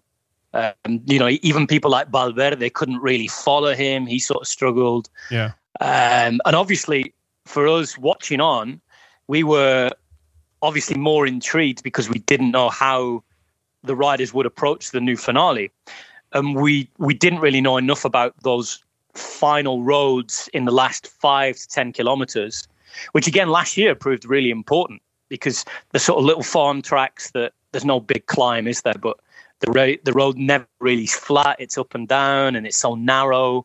It, it- you know the the move that that went there yet last year and the chase back on into the final kilometer or so where you get back to uh, Bergam and yeah it's I think that um, the Beemleberg seemed to be important as well maybe. Hmm uh, I think that maybe just after that if memory serves me right that's when Gilbert and Kwiatkowski sort of took advantage maybe with then six seven eight kilometers to go yeah, and everybody sort of sleeping and not wanting to chase them. And then again, there was a chase behind, which I, I think, if we look at last year as well, is going to end up being a bit of a pattern for this race, but a more interesting one because people will try and make a move, but then will everybody work together behind? Has anybody got any energy left after all those climbs and 260 kilometers? yeah. I thought it was really intriguing. Um, and when we, with Gilbert and Kwiatkowski, he- it, I know Gilbert is Gilbert, and he'd already had that amazing win in the Ronde van Vlaanderen um, just before, two weeks before, and in the Belgian champions jersey, of course. But um, Kwiatkowski had already proved himself a good finisher in sprints as well. So it was never clear to He me won who was going to win. It wasn't year. a Gilbert nailed on. Yeah, yeah. Uh, as as I as I look back on the sprint uh, today, I thought Kwiatkowski should have won. to be honest, because he was. It was about timing, wasn't it? I think. Yeah. Yeah. and headwind, I guess. Yeah, and I mean, what to be honest, when I was commentating, I thought Kwiatkowski would have had it. Uh, Gilbert just didn't look. I mean, this shows how good he is. yeah. Um, he obviously hid a lot of how good he was on the day. Uh, I thought Kwiatkowski looked fantastic for the whole race, but obviously he wasn't as good as hiding his form as Philippe Gilbert was, and he didn't have that killer instinct at the end to win the race, as we've seen Gilbert do for what the last decade now, and probably proving that he's the best classics rider over all sorts of different types of terrain of the last decade. I don't know if you guys agree with that. Uh, yeah, I do actually, but I think that Kwiatkowski uh, could could beat him as as uh, uh, winning all the five monuments. I think it's one of the few riders that actually have the potential to win them all. But for some reason, he's Yeah. he's at Ineos, and yeah, well, his potential isn't yeah uh, becoming to the fullest. Yeah, I mean, let, let's be honest. He's racing in a stage race team, isn't he? Um, Yeah. The same sort of thing that happened with with Geraint Thomas. because I, you know I thought at one stage that he was going to be a, a cobbled classics rider. I mean, he won in Hardelbecker. Let's not forget. Yeah. Yeah. But um, I would think that I would think that unless he changes teams, then it's always going to be stage race focus for Kwiatkowski. But given how money is and how how uh, how important it is to to look after yourself, and you know these guys have short careers, don't they? We see it in football. I can completely also understand why Kwiatkowski has stayed where he is because he still does get the chance to win things. Maybe not as much as he would at different teams, and he's already got an amazing palmarès, and, Yeah, and obviously he's going to be financially he's going to be sorted for life. So Yeah. Imagine if he would have cha- changed teams to CCC last year. that would have been a bad bad guess. Rob, Um, what, what is uh, uh, yeah, and a bad moment. Yeah. Hmm. Rob? What is uh, the British hope for the for the classics in the next couple of years? Um, there's a lot of talk about uh, the young guy that just joined Movistar, uh, Gabs Kullock.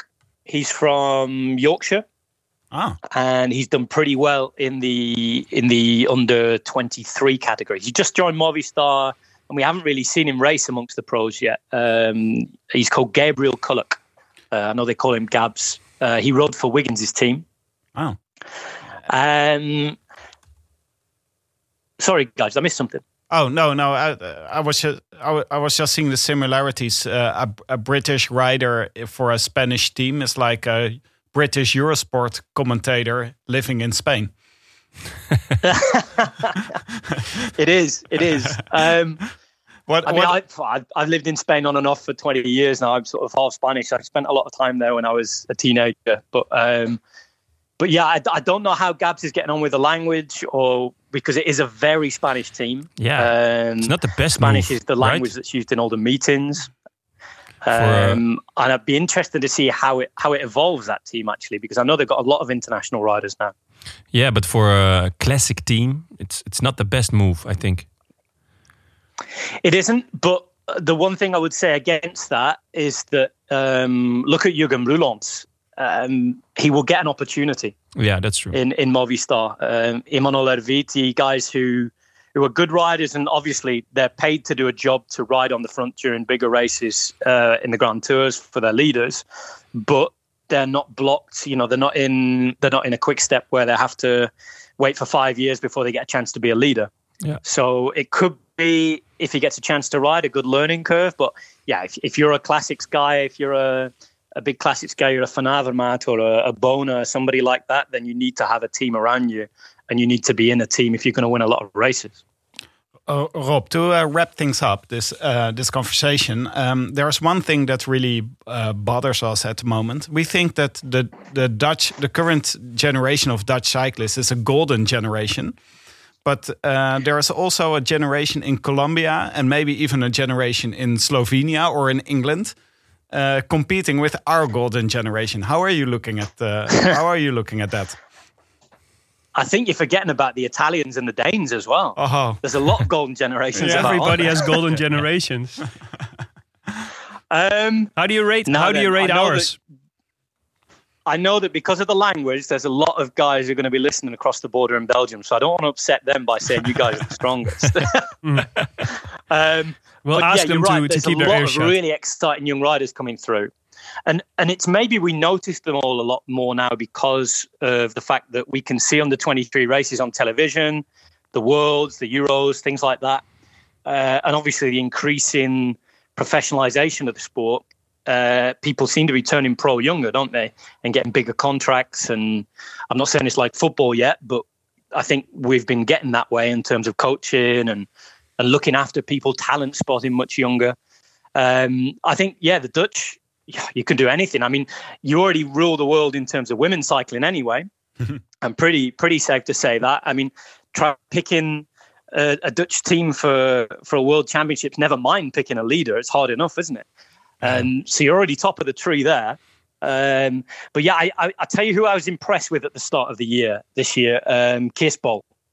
Ah, Really, really impressed with him. he's a friend of the show. Uh, the way he won that stage in in the Algarve, yeah. uh, the confidence he had, and and let's not forget he's in a team that has been going well undergoing quite a bit of a renovation, a sort of Uh, big change in the last two years. Obviously, Dumoulin's now left uh, Sunweb, and he already looks like he's stepping up to be one of the leaders there. So I'd, I'd keep a good eye on him in terms of sprint. You mentioned the Colombians as well. Obviously, they have sprinters in Hodge and Gaviria. And I think that obviously Gaviria has been suffering from uh, coronavirus, hasn't he? Um, Mm-hmm. But when things get going again, if he's healthy and fit, uh, he is in a year where he starts to need to win again after a poor year last year. The stage racing, we know what Bernal did. We know what's to come with Sosa and all the rest. Um, the Italians seem to be following. Um, I'm going to bracket the Italians in the same sort of uh, part as the Danes and the Brits, I would say, because they've really changed their focus into how they develop talent, and it's all to do with the track now. It's it, it really does come from the track. So you look at people like Ganna, uh, who've come through the track. You look at how well they're going in the team pursuit. Same with the Danes, and I think that those nations are really transferring all of that success onto the road and and maybe following the sort of British model from ten years ago.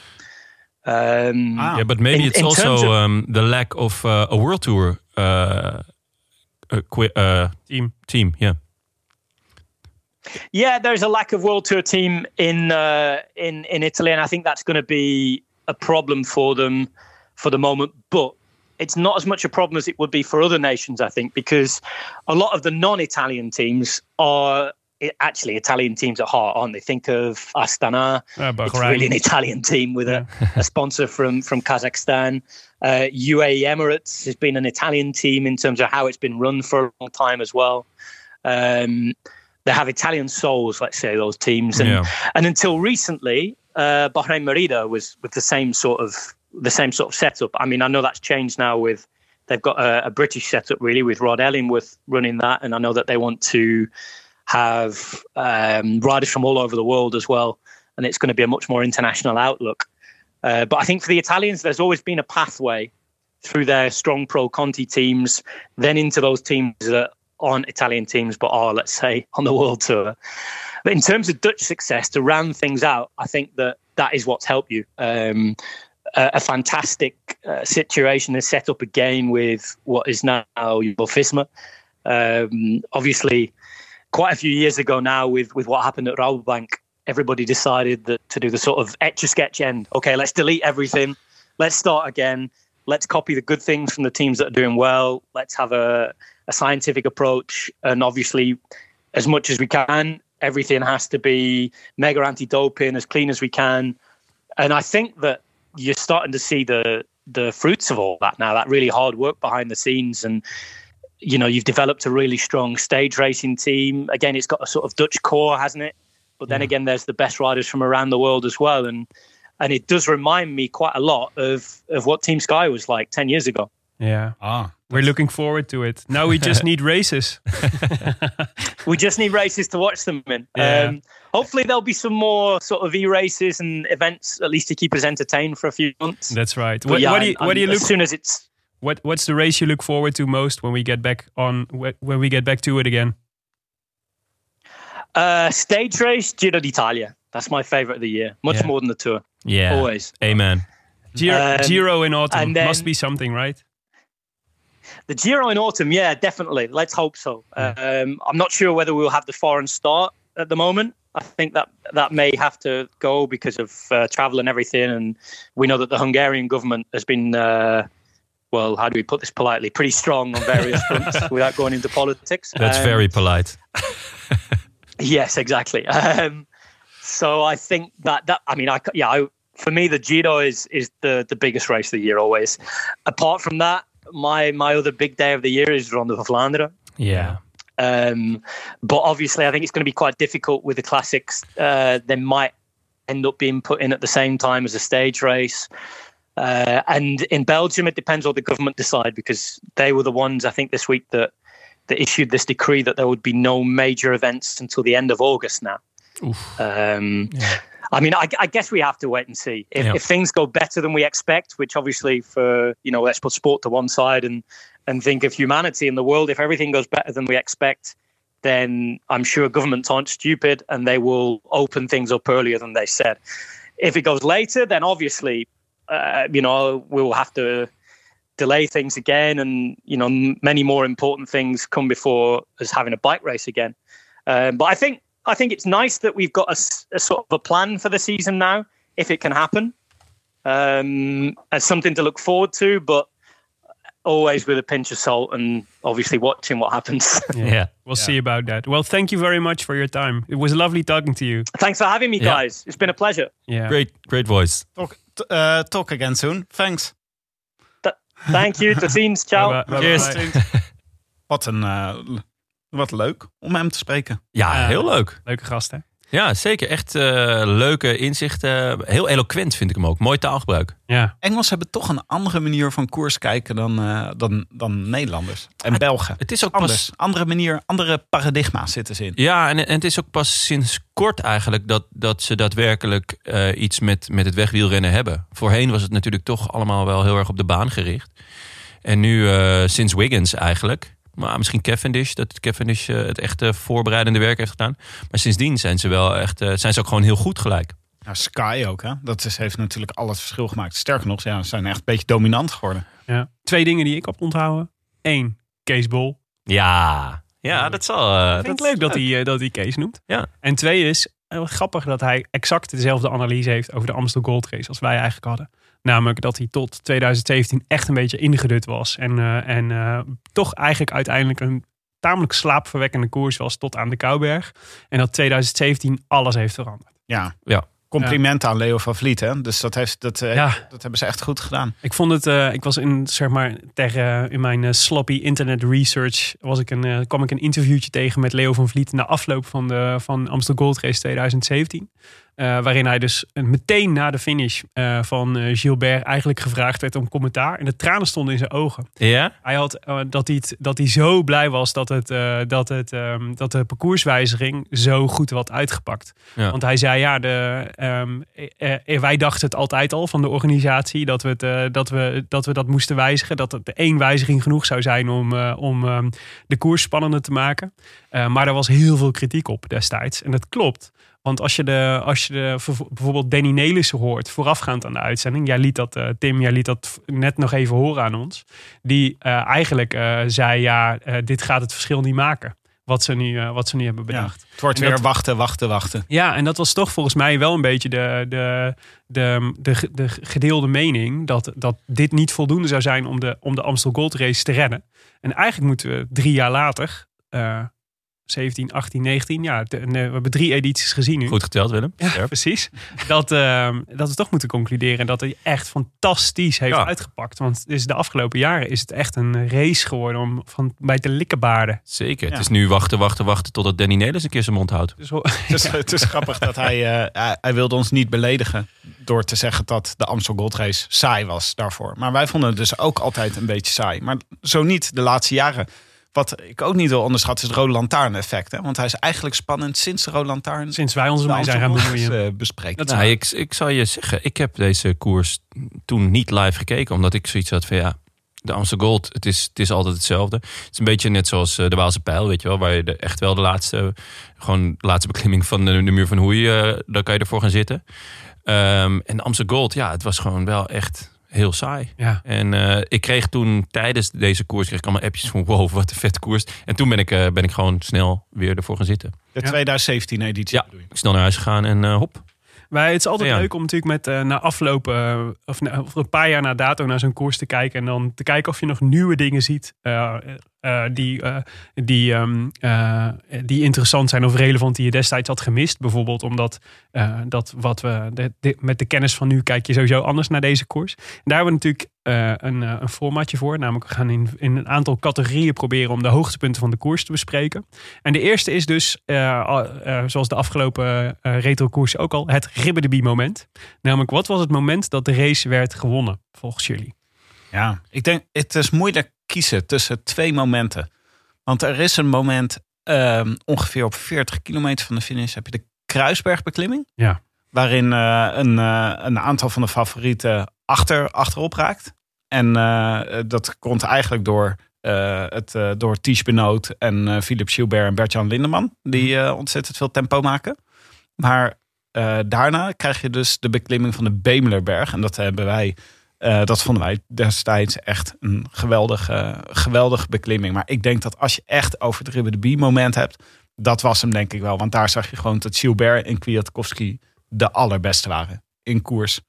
Ja. Dat was echt. eh dat een, mooie, een mooie is gewoon. eh, het gebeurt in meerdere keren. Het gebeurt eigenlijk in twee keer gebeurt het. Ja. Want eh, het, je rijdt één keer weg en iedereen gaat in zijn reserve zitten. Maar dan zit iedereen in het reserve en dan lijkt je weer een beetje bij te komen. Als er dan nog iemand nog een versnelling daarbovenop kan doen. Dat is het moment dat het gewoon echt niet meer lukt om, om mee te komen. En je zag dat eh Albassini was, liet geloof ik op de Beneberg het gat vallen. Mhm. Kwiatkowski demareerde eerst of reed eerst weg. En toen ging Gilbert nog een keer. Ja. Of- Ja, ja, volgens mij in die volgorde. En Albassini moet het gat laten. Die, kan er niet, eh, die komt niet mee. Ja. En eh, dat, was, eh, dat is een fantastische beklimming van eh, een berg die, die ik sindsdien eigenlijk altijd... Of een heuvel die ik sindsdien altijd goed kan onthouden. De Bemelerberg. Ja. Ja, dat is gewoon een hele mooie, heel Ja. mooi moment om aan te vallen in de Amstel Gold Race.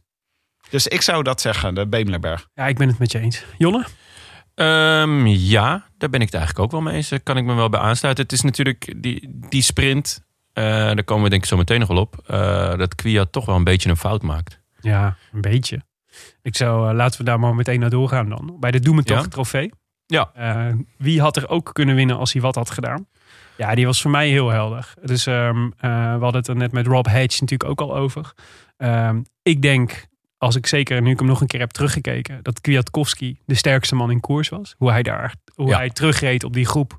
Ja. Waar Van Avermaat en Valverde toch ook niet de, de minste, zeg maar, gewoon moeten passen. En hij eigenlijk in, eh, nou, wat is het, een halve minuut met wind tegen, bergop, eh, een eh, gat dichtrijdt op een groep favorieten. En dat was super indrukwekkend. Hij het leek hem allemaal weinig moeite te kosten. Eh, hij leek bewust te kiezen voor, eh, voor dat moment van aangaan eh, bij, de, bij de finish. Ja, hij dwingt ook Gilbert op kop. Wat op zich gewoon Ja, deed- heel goed is. Hij maar hij wrekent zich. Dus hij, Ja. hij denkt dat hij dacht dat het. dat, of hij had niet door dat het, dat het tegen was. Ja, Ehm, eh, maar hij gaat, hij gaat te vroeg en hij valt, denk ik, 50 meter voor de finish stil. plafonneert. En eh, Gilbert komt er overheen. Dus eh, als, eh, als hij, ik denk dat als hij eh, 50 meter langer had gewacht met sprinten, dan had hij Gilbert erop gedaan. Nou, ik weet het niet, want het zou ook kunnen dat er eerder in, het, eh, in de race...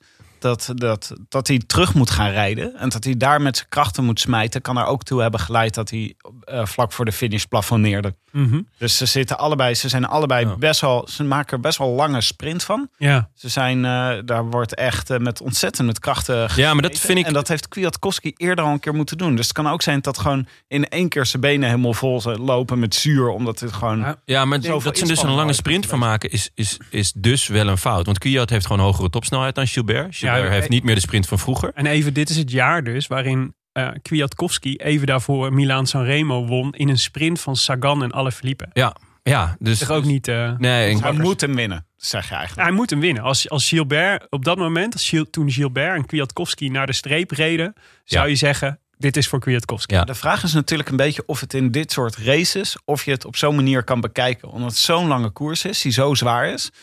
Dat zeg maar de wetten die normaal zouden gelden, zeg maar in een vacuüm zou dit kloppen. Moet Kwiatkowski hem gewoon winnen van, eh, van Gilbert. Ja. Maar omdat er al zoveel aan vooraf is gegaan, liggen de kaarten op zo'n moment heel anders. Ja, dat is waar. Maar Dus- Milaan Sanremo is nog 50 kilometer langer. Ja.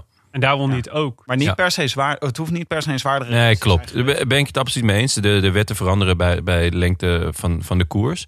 Ehm, alleen Kwiat, door er een lange sprint van te maken... naast het feit dus dat er tegenwind stond... ehm, speelt die Gilbert wel in de kaart. Want die heeft misschien een, een, eh, een minder hoge topsnelheid... maar is wel taai. Dus hij kan, hij kan het langer volhouden. Maar eigenlijk verrast, doet hij het heel goed. Want hij verrast Gilbert nog eh, met, met het moment van komen. Precies het moment dat hij, zijn, eh, dat hij weer vooruit kijkt. En dat zei Rob Hedge net ook. Die zei, ja, hij ging aan. En ik dacht echt, die is er. Maar het is ook gewoon heel knap van Gilbert... dat hij toch nog naar het wiel komt en toch nog eroverheen gaat. En op een gegeven moment zelfs nog om begint te kijken van... kom je nou? Ja, ja, ja. En dan ook nog even dat eh, de gespreide vier maakt. niet zo- Ah, mooi. Mooi, mooi, mooi. mooi. Maar ehm, het, ik, ik vind het toch raar ook van, van eh, Kwiatkowski dat hij er gewoon niet bij zat eh, op de Kruisberg. Mhm. Dat is gewoon ook echt een fout, want hij is zo goed vandaag. Hij is echt Mathieu van Ja. der Poel goed in deze race. Ja. En eh, dan, dan moet je er gewoon bij zitten. ja, en dan toch wil ik ook nog een, een, een, eh, een, een nominatie doen... voor de Doementocht trofee. Want die, wie er ook niet bij zit, dat is Valverde. En Valverde heeft de Amstel Gold gewoon nooit gewonnen. Wat heel En gek is Dat eigenlijk. is echt heel het is raar. echt een koers voor Valverde. Zeker, het is echt kort draaien, Ja. korte klimmetjes, eh, veel eh hollen en stilstaan. En, en met een goede punch ja, win je hem gewoon zeker de oude versie van, eh, van de Amstel Gold. Ja. En hier, eh, ja, wat, wat wordt die? Negentiende of zo, geloof ik. Ja. En het is, het is heel raar om te zeggen dat de Amstel Gold Race en, Gilbert, eh, en ehm, eh, Valverde. Valverde elkaar niet liggen. Want hij is twee keer tweede, één keer derde, één keer vierde geworden. Maar toch klopt er iets niet in, die, in die combinatie. Want de week erop wint hij gewoon de pijl en Luik Basnaken Luik. Hij heeft dit seizoen in 2017 wint hij Catalunya, Baskeland en de Ruta del Sol. Dus hij heeft dat was echt eh, dat, dat hij zijn tweede jeugd ultiem aan het beleven was. En toch komt hij er deze eh Amsterdam Gold Race niet aan te pas. Is dit, suggereer jij hier dat Valverde gewoon een hekel heeft aan Nederlanders naam zijn best niet doet in de Amstel Gold Race? Is het een, is het een Spaanse, Dat zou ik Spaans-Nederlandse oorlog dingetje? Dat wil ik niet gelijk zeggen, maar misschien vindt hij Amstel wel helemaal niet lekker. Want dat krijg je na afloop. Je krijgt een Je Amsteltje. krijgt heel veel Amstel. En die moet je dan opdrinken op het podium. En ik kan me heel goed voorstellen dat hij nou dan maar tweede. Maar zou het ook kunnen dat wat er gebeurde, is dat Valverde in die tweede groep, eh, eh, groep komt te zitten eh, in deze race? Ja. Eh, dat Rogas zit in de eerste groep. En dan gaat hij niet per se dat Valverde zich veel gelegen laat liggen aan Rogas. Maar dat hij dan niet terug gaat rijden. Nee, dat snap Dat ik. hij loopt te slapen op het moment dat Kwiatkowski die overstap maakt. Ja, slapen, dat vind ik... Vind, vind Of gewoon het gokje, het gokje niet waagt. Het, eh, ja, het is gewoon... eh, ja, het is gewoon raar dat hij niet met, eh met Kwiat meegaat. Maar ik denk dat het dan ook een kwestie is van niet mee kunnen. Wat heel raar is, want de week erop rijdt iedereen een gort in de pijl en eh, in, eh in Luik Luik. Ik dus jij zegt gewoon, Valverde, doe even je best, dan win je hem hier gewoon. Ja, de, de Doe Me Toch trofee misschien niet voor deze eh Amsterdam Gold Race. Maar wel voor het Amstel oeuvre van Valverde. het Amsterdam van Valverde. Ja, dankjewel. Mooi gesproken Willem. Goeie case. Ik, eh, ik zou nog één naam willen noemen, namelijk Ties Benoot. Ja, Die eh, opende het bal natuurlijk in, eh, in, eh, in deze koers. Was eh, volgens mij sterk, maar had, had zijn ketting liep eraf. Ja. Op, het, eh, op, het, op een cruciaal moment. Ja, Materiaalpech. Om, eh, het zou ook een geweer van Tsjechov kunnen zijn, hè? hier, Ties Benoot. Want het is 2017. Mhm. Dat is al een tijd geleden al. Ties is nog steeds best wel jong. Ja. En eh, wat is hij al ontzettend goed hier. Ja. Dus hij, laat zich, hij drukt zijn neus tegen het venster, Nou, zoals het- op Sportza zouden zeggen. Als we toch het eh, geweer van Tsjechov eh, hebben genoemd, dan moeten we misschien maar over naar die categorie. Dus het geweer van Tsjechov, wat zagen we hier al aankomen? maar moeten we niet de trofee nog uitreiken van de Doe Me Toch trofee? ja, maar Of die gaat naar Quia. Ja? Ja, ik dacht dat we het daar wel over eens waren. Ja, oké. Ik dacht, ik maak nog een leuke case. niet Valverde nog een prijs geven. Maar wat zagen we hier al aankomen dat in de wielertoekomst relevant bleef? bleek? Nou ja, talent van Ties, uiteraard. Ja. Dat is een, eh, leuke, een leuke vooraankondiging hier vond ik eigenlijk ook al eh, het interview met Philippe Gilbert voorafgaand aan de race. mhm.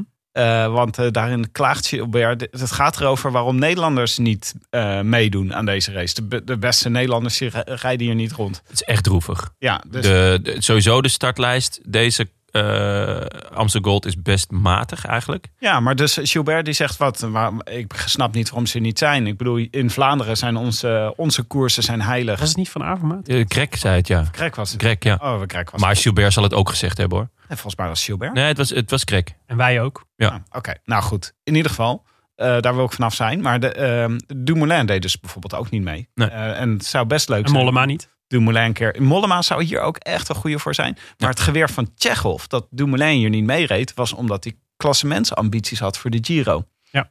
En de rest is geschiedenis. Ja. Dat, laten, we, laten we hem achteraf vergeven dat hij deze precies. Race dat wilde ik zeggen. Klaar. Ja. Bovendien is Ja. Pasen. We waren er toen, nog, we waren er toen nog woedend over, maar, nu, eh, maar achteraf is het oké. Precies. Maar wel, maar wel zonde, ja, absoluut. En eh, ja, natuurlijk het geweer van Tsjechov was natuurlijk het, het nieuwe parcours dat, eh, dat, eh, geweld, dat, een, dat een geweldige wedstrijdverloop mogelijk maakt. Waarvoor we natuurlijk in 2017 al beloond werden doordat het verrassend zo verrassend leuk was dat jij na een appje alsnog besloot om voor je beeldbuis te kruipen. Ja. Maar waarvoor, Willem tegen Jonne. ja, zeg ik tegen Jonne, maar waar we in 2019 natuurlijk al helemaal eh, verwend werden op ditzelfde parcours Ja. met Mathieu van der Poel. Dat is gewoon, we gaan. eh, wanneer mag, m- mogen zij ook een monument worden? Is er ook een, eh, is er een comité? Is er, komt er een comité van wijze Vlaamse mannen bij elkaar die Ja, dan op een is- gegeven moment besluiten dat er een monument bij mag komen? Want vorig jaar heeft hij wel echt... Ze hebben een goede sollicitatie Ja. gedaan hoor. naar Ja, zeker. Weet je Eh, waarom, wij geen, eh, waarom wij geen monument hebben trouwens? Nee, geen. Wij, wij persoonlijk? Wij, nee, wij, Nederland? Ik heb er één hoor thuis. Gewoon bij de schouw. Nee, maar waarom, Monument waarom. Nederland geen monumenten heeft? Dus wij, wij dus de, Omdat wij geen geschiedenis hebben, Willem. Ja, nee, dat klopt. En maar dat, dat heeft dus een hele praktische reden waarom, waarom België en Frankrijk wel een super oude wielerkoers hebben. Want het is een van de. Een monument moet minimaal 100 jaar oud zijn. Hè? Dus, Ah, al- dat is een regel. Oké. Ah, dus, kijk. eh, en de Amsterdam Gold Race, wanneer werd de eerste Amsterdam Gold Race gereden? Eh, toen het Amsterdam Gold biertje werd gebrouwen. Dus dat zal 1954 zijn geweest. Eh, de eerste editie was. Zo, vol bravoure ja, nee, dat is niet waar. Gewoon neus dichtknijpen en van die rots afspringen. Ja. en dan hopen mij- dat het diep is. Volgens mij ergens in de jaren 60. Nou, zie Maar de reden, waarom, de reden waarom Nederland dus geen. eh, ik had het dus even opgezocht. Waarom wij geen klassieker hebben, is omdat. ehm, 1966 is de eerste. Ja, nou, dan zei ik het goed. Dat de, de, is, komt door de motor- en rijwielwet van 1905. Dat is de reden waarom, eh, waarom Nederland nooit goeie, goed was in. eh, no- nooit geen echte traditionele oude wielerkoers heeft. Want die wet was dus eigenlijk bedoeld. Ik, heb dit van, ik las dit vandaag op sportgeschiedenis.nl. Waar uh, Jurijt van der Voren, sporthistoricus. Jurit. Ja, Jurit. leuk. regelmatig dus stukken schrijft. En onder andere een stuk schreef over, stuk schreef over ehm, eh, de Amsterdam Gold Race als, als wielerklassieker. En die zegt dus, eh, waarin de motor- en rijwielwet van 1905 was eigenlijk bedoeld om het aantal toenemende aantal auto's en motoren op de Nederlandse wegen eh, in banen te leiden. Maar de, in die wet was ook een algemeen verbod opgenomen voor wielerwedstrijden op de openbare weg. Tenzij er verlof was gegeven, maar bij hoge uitzondering werd pas zo'n verlof gegeven. Waardoor er tientallen jaren geen wegwedstrijden in Nederland waren. En in de jaren dertig kwam het eh, Nederlandse wielrennen daardoor echt in een hele diepe, diepe crisis. En pas tijdens de oorlogs, in de oorlogsjaren werden voor het eerst weer eh, wegwedstrijden georganiseerd in, in, eh, in eh, Limburg. Dus Oh. het kon jarenlang, konden wij helemaal geen, mochten wij in Nederland helemaal geen grote wielerwedstrijden organiseren. Oh. Dat is de reden waarom we geen, Ah. geen klassieker hebben. En binnen Leuk. deze omstandigheden hebben we toch een partij van de klassieker georganiseerd. Dus dat is wel, we zijn wel met een inhaalrace bezig. Ja, precies. Ja, maar we moeten dus nog even wachten totdat de Amsterdam Gold Race ook tot de monumenten kan behoren.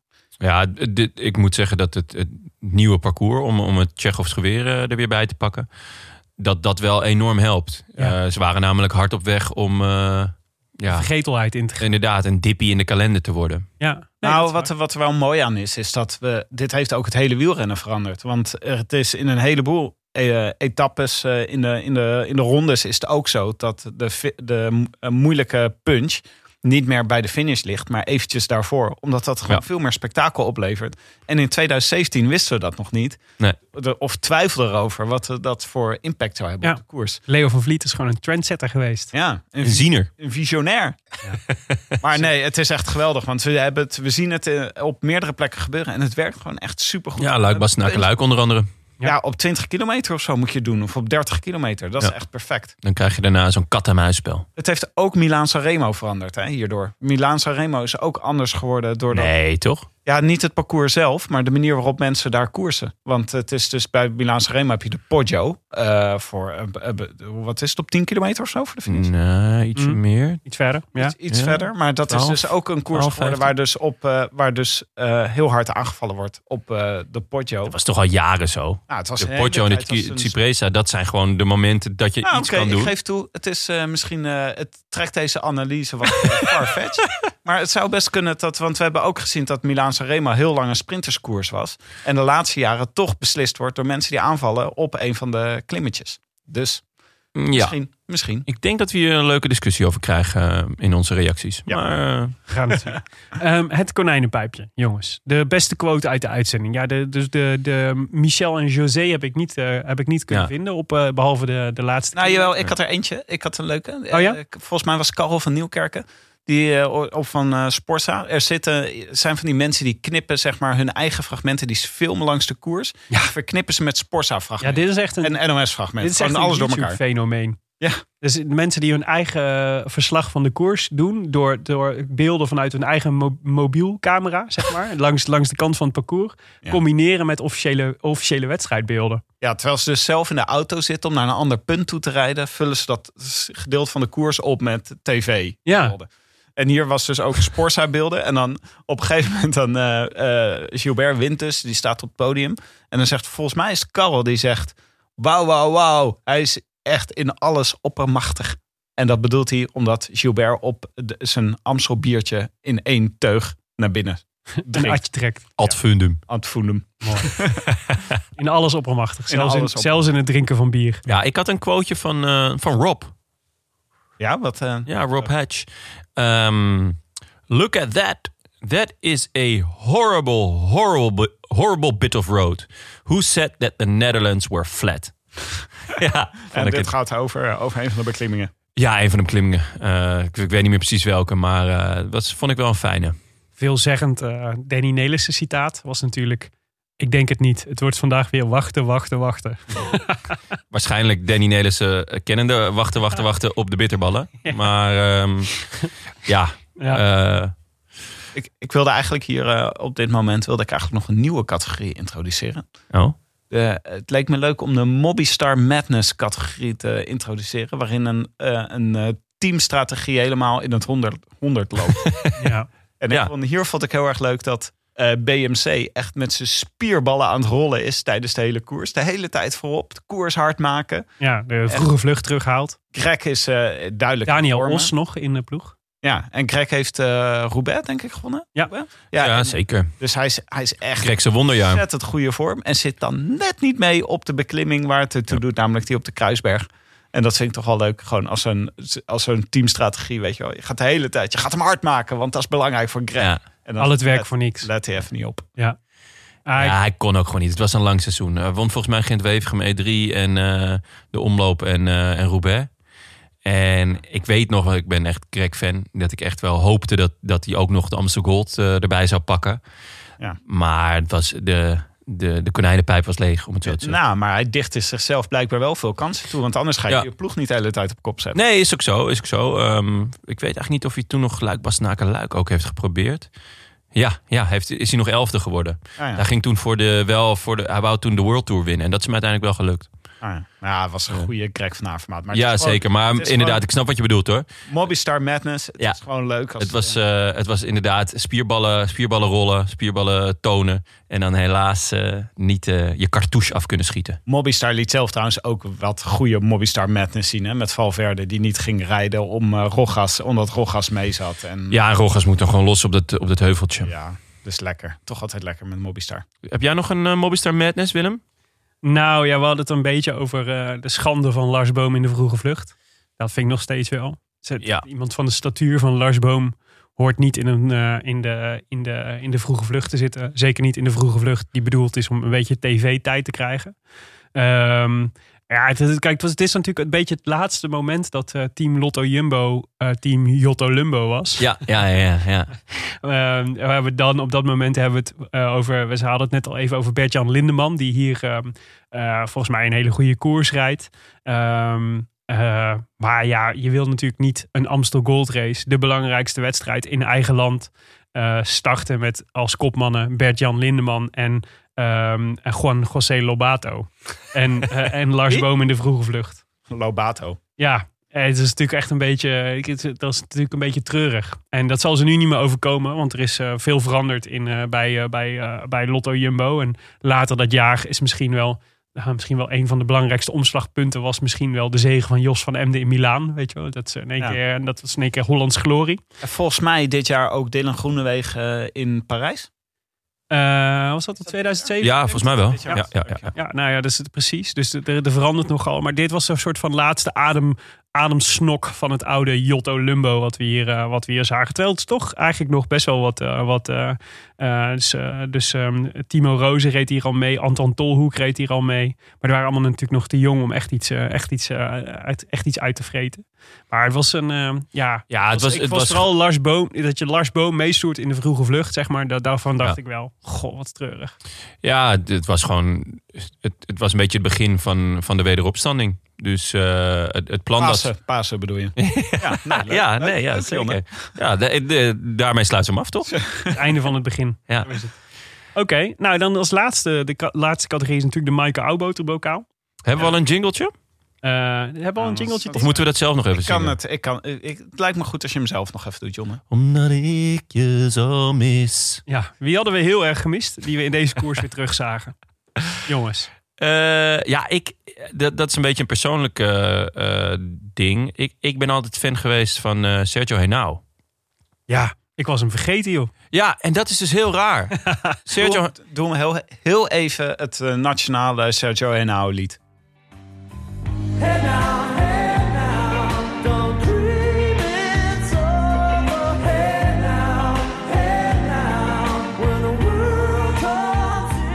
Ja, heel vet. Ja, nu je het zegt, dit, dit is natuurlijk de, de national anthem in Huizen Henao. Er wordt nog een strijd waar jij voor gaat kiezen om deze aflevering mee af te sluiten. Of het Crowded House wordt of eh, Helmut Lotti. Ja, ik eh, denk dat ik gewoon even naar eh eh, mixemtogether.com ga. En dan, eh, hop, Ja. your powers combine. Captain Planet. Après- Après-ski ligt een beetje lastig in deze, in deze tijd. Ja. ja, dat is wel waar trouwens. Maar je was blij dat je Henao weer zag. Ja, ik, ehm, hij won dat jaar Parijs-Nice. Eh, natuurlijk, hij reed toen nog voor het toenmalige Sky. Hij was eh Colombiaans kampioen, vandaar ook het mooie truitje. Zeker. En ehm, hij eh, wordt vierde of zo, of zesde. En dat deed hij volgens mij ook in Luik of in, in de Pijl. En ik dacht wel van nou, dit, hij was 29. Mhm. Ik dacht wel, dit gaat wel de next big thing worden. Of tenminste, hij gaat in ieder geval leuk meedoen de komende jaren. En hij is toen ja, in, de, in de rangorde gewoon een beetje weggezakt bij Sky. Eh, hij is achter Thomas geraakt en eh, nou, daarna Bernal natuurlijk. eh. maar hij mag ook nergens meer, mocht nergens meer kopman zijn. En nu is hij naar Oei. UAE, Ja. Ze- UA Emirates. Ja. En toen deed, toen, dacht, toen deed hij dat. Toen dacht ik, nou, misschien komt daar een nieuwe, nieuwe, nieuw jeu erin. Maar daar rijdt hij ook gewoon een beetje kleurloos mee. Terwijl ik het gewoon een vette puncheur vond. Die dus ook koers van een week kan winnen. En hey, eh, probeer het ook een keertje drie weken. Volgens mij is hij, hij, is- hij heeft wel eens top 10 gereden. Of, of top, Ja. top 15 in een, in een eh, groot... Als, als knecht. Waarom, waarom zou hij niet meer kunnen? Ja, heel veelzeggend. Sinds 2017 heeft hij ehm, alleen nog maar top 10 gereden in de ronde van Colombia.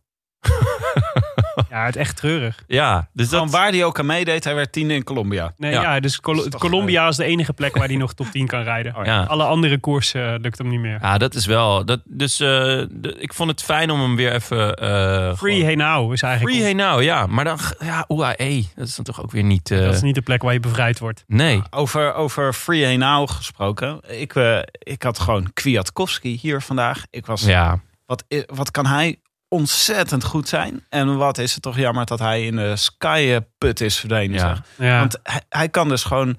eh, hij heeft Milaan Sanremo een keer gewonnen. Maar hij zou potentieel alle monumenten kunnen winnen. ja, dat zei ik net toch Rob ook al. Ja, hij kan, maar hij kan ook eh, etappekoersen winnen. Ja. De kleine hebben we gezien. Koers van ja, een week. Je weet eigenlijk niet hoe goed hij het zou doen als hij, eh, als hij zich echt zou gericht op drie weken. Nou, daar Maar- heb ik wel nee, wat over te zeggen. Hij is zo ontzettend goed. Hij is zo ontzettend goed en veelzijdig.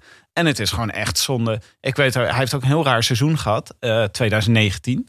Waarin hij de hele tijd vrij matig en kleurloos reed. Terwijl hij eigenlijk nooit kleurloos rij- reed. Maar gewoon in de carrière van, eh van Kwiatkowski was dit eigenlijk nog een, eh, een vrij logisch moment.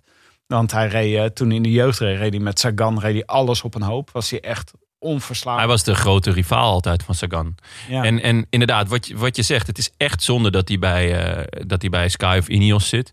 Ehm, dat, dat drie weken, dat wil ik nog wel battelen. Volgens mij was het afgelopen Vuelta dat, dat Ineos eigenlijk zonder kopman startte. Ja. En dat hij hem reed. En dat het een beetje was van, nou ja, oké, laat het dan maar zien. Een beetje eh, Poels ook trouwens. Die volgens mij nog voor de start van de Vuelta al eh, moest lossen. Ja. Eh, en Kwiat, ja, die, of misschien was het niet deze Vuelta, Nee, of dat de is- Vuelta ervoor. Ja, Ja, zeker. de Vuelta ervoor. En, en dat hij, ja, dat, dat hij het net niet bracht. Maar hij kan gewoon echt wel koersen van een week. Kan hij makkelijk aan. Volgens mij heeft hij de Algarve al gewonnen. Maar hou op, zeg. Ehm, Ze moeten, ze De moeten gewoon- Tirreno heeft hij gewonnen. Ja. Ronde Ehm, van Polen. De Ronde van Polen. Ehm, ah, maar hij, jij, jij zei net tegen Rob van ja, het, gelukkig is hij niet naar CCC Ja, gaan. wijs nu naar Willem. Ja, Willem. Eh, ik wijs naar Willem. Ja. Jij zei net tegen Rob dat het goed is dat hij niet naar CCC is gegaan. Ja, en dat maar- is financieel misschien wel waar. En ik wijs weer naar jou, Willem. Eh, ja, ik blijf wijzen. Maar het is gewoon zonde dat hij niet naar CCC is gegaan. Want CCC is een Poolse ploeg met oranje shirtjes. En dat staat Kwiat ontzettend goed. En dan is hij daar gewoon, kan hij gewoon de man zijn. Ze bestaan alleen volgend jaar niet meer. Waarschijnlijk volgende week al niet meer. Nou, dan, kan hij, dan is hij helemaal de man. hoezo? Kijkt iedereen naar ze Kwiat? Volgend jaar niet meer. Het gaat heel slecht met CCC. Met het Van alle moederbedrijf. Of het... Nee, dus met het, met het schoenenbedrijf, zo- met het moederbedrijf CCC, dat schoenen maakt. Daar gaat het heel slecht mee in, eh, in coronatijden. Maar dit is volgens mij eh, van alle ploegen die, ehm, eh, die genoemd worden als ploegen die mogelijk gaan omvallen als gevolg van deze coronacrisis, staat CCC met stip bovenaan. Zelfs Ja. zodanig dat, ehm, dat eh, Lefebvre al openlijk aan het speculeren was of dat eh, Van Avermaat niet, eh, niet naar de Koning En dus een oproep aan alle luisteraars. Ga naar PL, denk ik. PL, denk ik. CCC.cc. Eh, koop daar alle schoenen eh, die je eh, kan betalen. Ze zijn niet om aan te gluren. Ik heb ze wel eens gezien. Rammend lelijke schoenen. Maar willen we Kwiatkowski volgend jaar nog in het peloton zien in het oranje? Want Ja. dat is natuurlijk ook essentieel. Ja. En het is niet omdat ik ook wellicht de podcast van CCC ga produceren. mits ze nog genoeg centjes hebben. Maar koop heel veel schoenen daar. Zit jij gewoon in de zak van CCC? Jeetje. Ze zaten al in de zak van Astana. Ze hebben mij Zit je gebeld. ineens bij CCC in de zak. Ja, goed, eh, je moet in zoveel mogelijk zakken zitten momenteel. Ja, Maar- ik denk niet dat dat de beste zak is om te zitten momenteel. Nee, het is niet een heel diepe zak. Nee. Maar nog heel even over Kwiatkowski. Hij zat natuurlijk een tijdje bij Lefebvre. Bij eh Ja. Quickstep. Ja, ja. En daar was hij supergoed. Eh Ja. Toen is hij naar Wereldkampioen geworden. Wereldkampioen geworden. Toen is hij naar Sky gegaan. En dat slaat helemaal nergens op. Want het is gewoon zo'n ontembaar beest. Dat je gewoon los moet laten. En gewoon lekker eh stennis moet laten schoppen zoals Sagan dat doet. Dus bouw gewoon een ploeg om die man heen. Ja. Gewoon, ik ben het helemaal eens met John. Hè. Gewoon laten we CCC, mochten ze nog volhouden... bouw gewoon een hele ploeg om Kwiatkowski heen. In de plaats van Ja. dat je hem gebruikt. Dit is gewoon, je gebruikt geen paradepaardje. Op zo'n moment als- het is nee, bijna jammer dat Katusha niet meer bestaat. Ja, maar dan zou dus even, dus laten we Ik dat- kan een hele mooie uitspraak. Ik Ja. zei net, je gebruikt geen paradepaardje als ezel. Ja, inderdaad. Je gebruikt geen paradepaardje als ezel. Ja. Nee, dat klopt. nee. Maar Daar wil ik, daar wil ik Ja. dus op aanvullen. Mooi gesproken, Tim. Dankjewel. Ik, ben het, ik kan, Ik eh, wijs nu kan- naar jou. Ik kan jullie voor een heel groot deel volgen. Maar ik denk dat Kwiatkowski ook geen medekopman naast zich kan verdragen. Eh, dus als jullie scenario eh Kwiatkowski naar CCC bewaarheid zou moeten worden, zeg maar. En hij wil daar zijn gloriejaren weer terugpakken. Dan zou Van Avermaat weg moeten bij CCC. Want samen Mm, ja, zie ik het nog niet. moeizaam, maar het zou kunnen. Maar bij Ineos heeft hij toch ook allemaal mensen weer naast zich en voor zich. En mag hij de kobbels niet rijden en, en mag hij van alles niet? Denk je dat mensen Kwiatkowski aardig vinden? Ja, Denk je?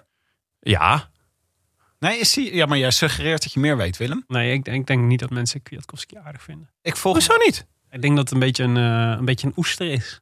Een En- oester. Verklaar je nader? Ja, of een beetje een BV'tje misschien. Zoals eh, een beetje... nee, de- dan, dan rij je niet bij Sky. Nou, Ik vind- hoezo niet? Rijdt voor het geld. En de enige reden waarom Kwiatkowski bij Sky rijdt is voor het geld. En dat, bedoel, dat, dat gun ik hem graag. Maar, maar dat is natuurlijk, dat, hij heeft natuurlijk niet gekozen omdat hij, eh, dat hij eh, voor sportieve redenen bij Sky kan, eh, lekker kan fietsen. Ben ik niet mee eens. Eh, Sky is namelijk ook gewoon een ploeg die koersen van een week heel goed kan, kan koersen, kan rijden. En wat hij daar ook heeft gewonnen is indrukwekkend. Hij heeft gewoon de Tirreno gewonnen en de Algarve en Milaan Sanremo en San Sebastian. Ehm, alleen, ze, ze zijn gewoon niet zo heel goed in klassiekers. En, en dat is gewoon, daarom vind ik het wel een rare keus. Ik vind, ik vind niet dat het alleen om, om geld is. Want Sky is gewoon een heel goede ploeg waar je ook superveel kan leren. Ook Kwiatkowski. Alleen, hij verdient het in mijn ogen gewoon om, om eh, eh, zijn eigen programma samen te stellen. zoals Sagan. Ik denk dat ze bij Sky, dat hij, want het zou natuurlijk heel logisch zijn als je Kwiatkowski gewoon die eendagsrace laat rijden. Want daar is hij gewoon super goed voor bij Sky. Ja. En daar zou je hem heel makkelijk een ploeg omheen kunnen bouwen. Maar ik denk dat ze geredeneerd hebben dat Kwiatkowski ook zo'n goede knecht is. Dat hij gewoon mee moet naar de Giro. Ja, en naar de, en naar de Tour. en Naar de Tour, want hij heeft daar ook een paar keer. Hij heeft natuurlijk ook ontzettend lomp knechtenwerk heeft Ja. hij, eh, kan En hij dan doen kan hij Ook zo vaak prachtig parkeren. Ook vaak net niet goed genoeg, hè? Ook een paar keer. In grote rondes. Nou, dat was alleen de afgelopen ronde. De keren daarvoor zat ik echt zo te kijken naar hem van... wow, dat jij nog op deze berg mee zit. Dat jij nog zo ver, ver mee kan Ja, als knecht. Ja. Ik, nou, goed. Genoeg over Kwiatkowski. Zo'n Nee. interessante renner is het ook niet. Laten we het doorgaan Nou, nou, zeg, nou. Willem, zo oké, dit, toch ook, dit is ook geen conclusie voor dit onderwerp. Ja, Ik was- echt. Ik zat er enorm in. Het is, het is omdat, omdat Ineos niet heeft geantwoord hè, op ons. Dat ik die man heb zitten stoken en dat hij gewoon niet eens heeft geantwoord of we Kwiat mochten bellen. Is dat het? Volgende week naar ehm Luik, Bastenaken, Luik. Ehm, eh, jongens, hebben jullie ehm, favoriete edities die je graag zou willen bekijken? Ehm, Niet. We weten natuurlijk allemaal dat. Sporza de Belg gaat kiezen voor 1999. Luik Bastenaken lijkt met Frank van den Broeke. Ja. Die gaat waarschijnlijk met Nou, dat vind ik eigenlijk wel leuk. hè? 98% van de stemmen winnen. Maar 2% is van dat ons. is toch ook dat zal leuk? waarschijnlijk Adrie van der Poel zijn. Ja. Nee, maar dit is wel het leukste. Frank van den Broek in 99. Ja, Dus eh, graag. Laten we die maar doen dan, toch? sowieso leuk. eh, heerlijk podium, toch? Eh, Zo, wie nog meer? Bogie. En? Bogert wordt tweede, toch? Daar, Ja. 1999. En wie wordt de derde? Ik heb geen idee. Maarten den Bakker. Ah, Maarten den Bakker? Ja. Nou, Bartoli vierde. En Bettini vijfde. Altijd goed in het Dat zijn Waalse. mooie namen. Altijd goed in, het Waalse, in de Waalse week. Maarten Ja. en Bakker.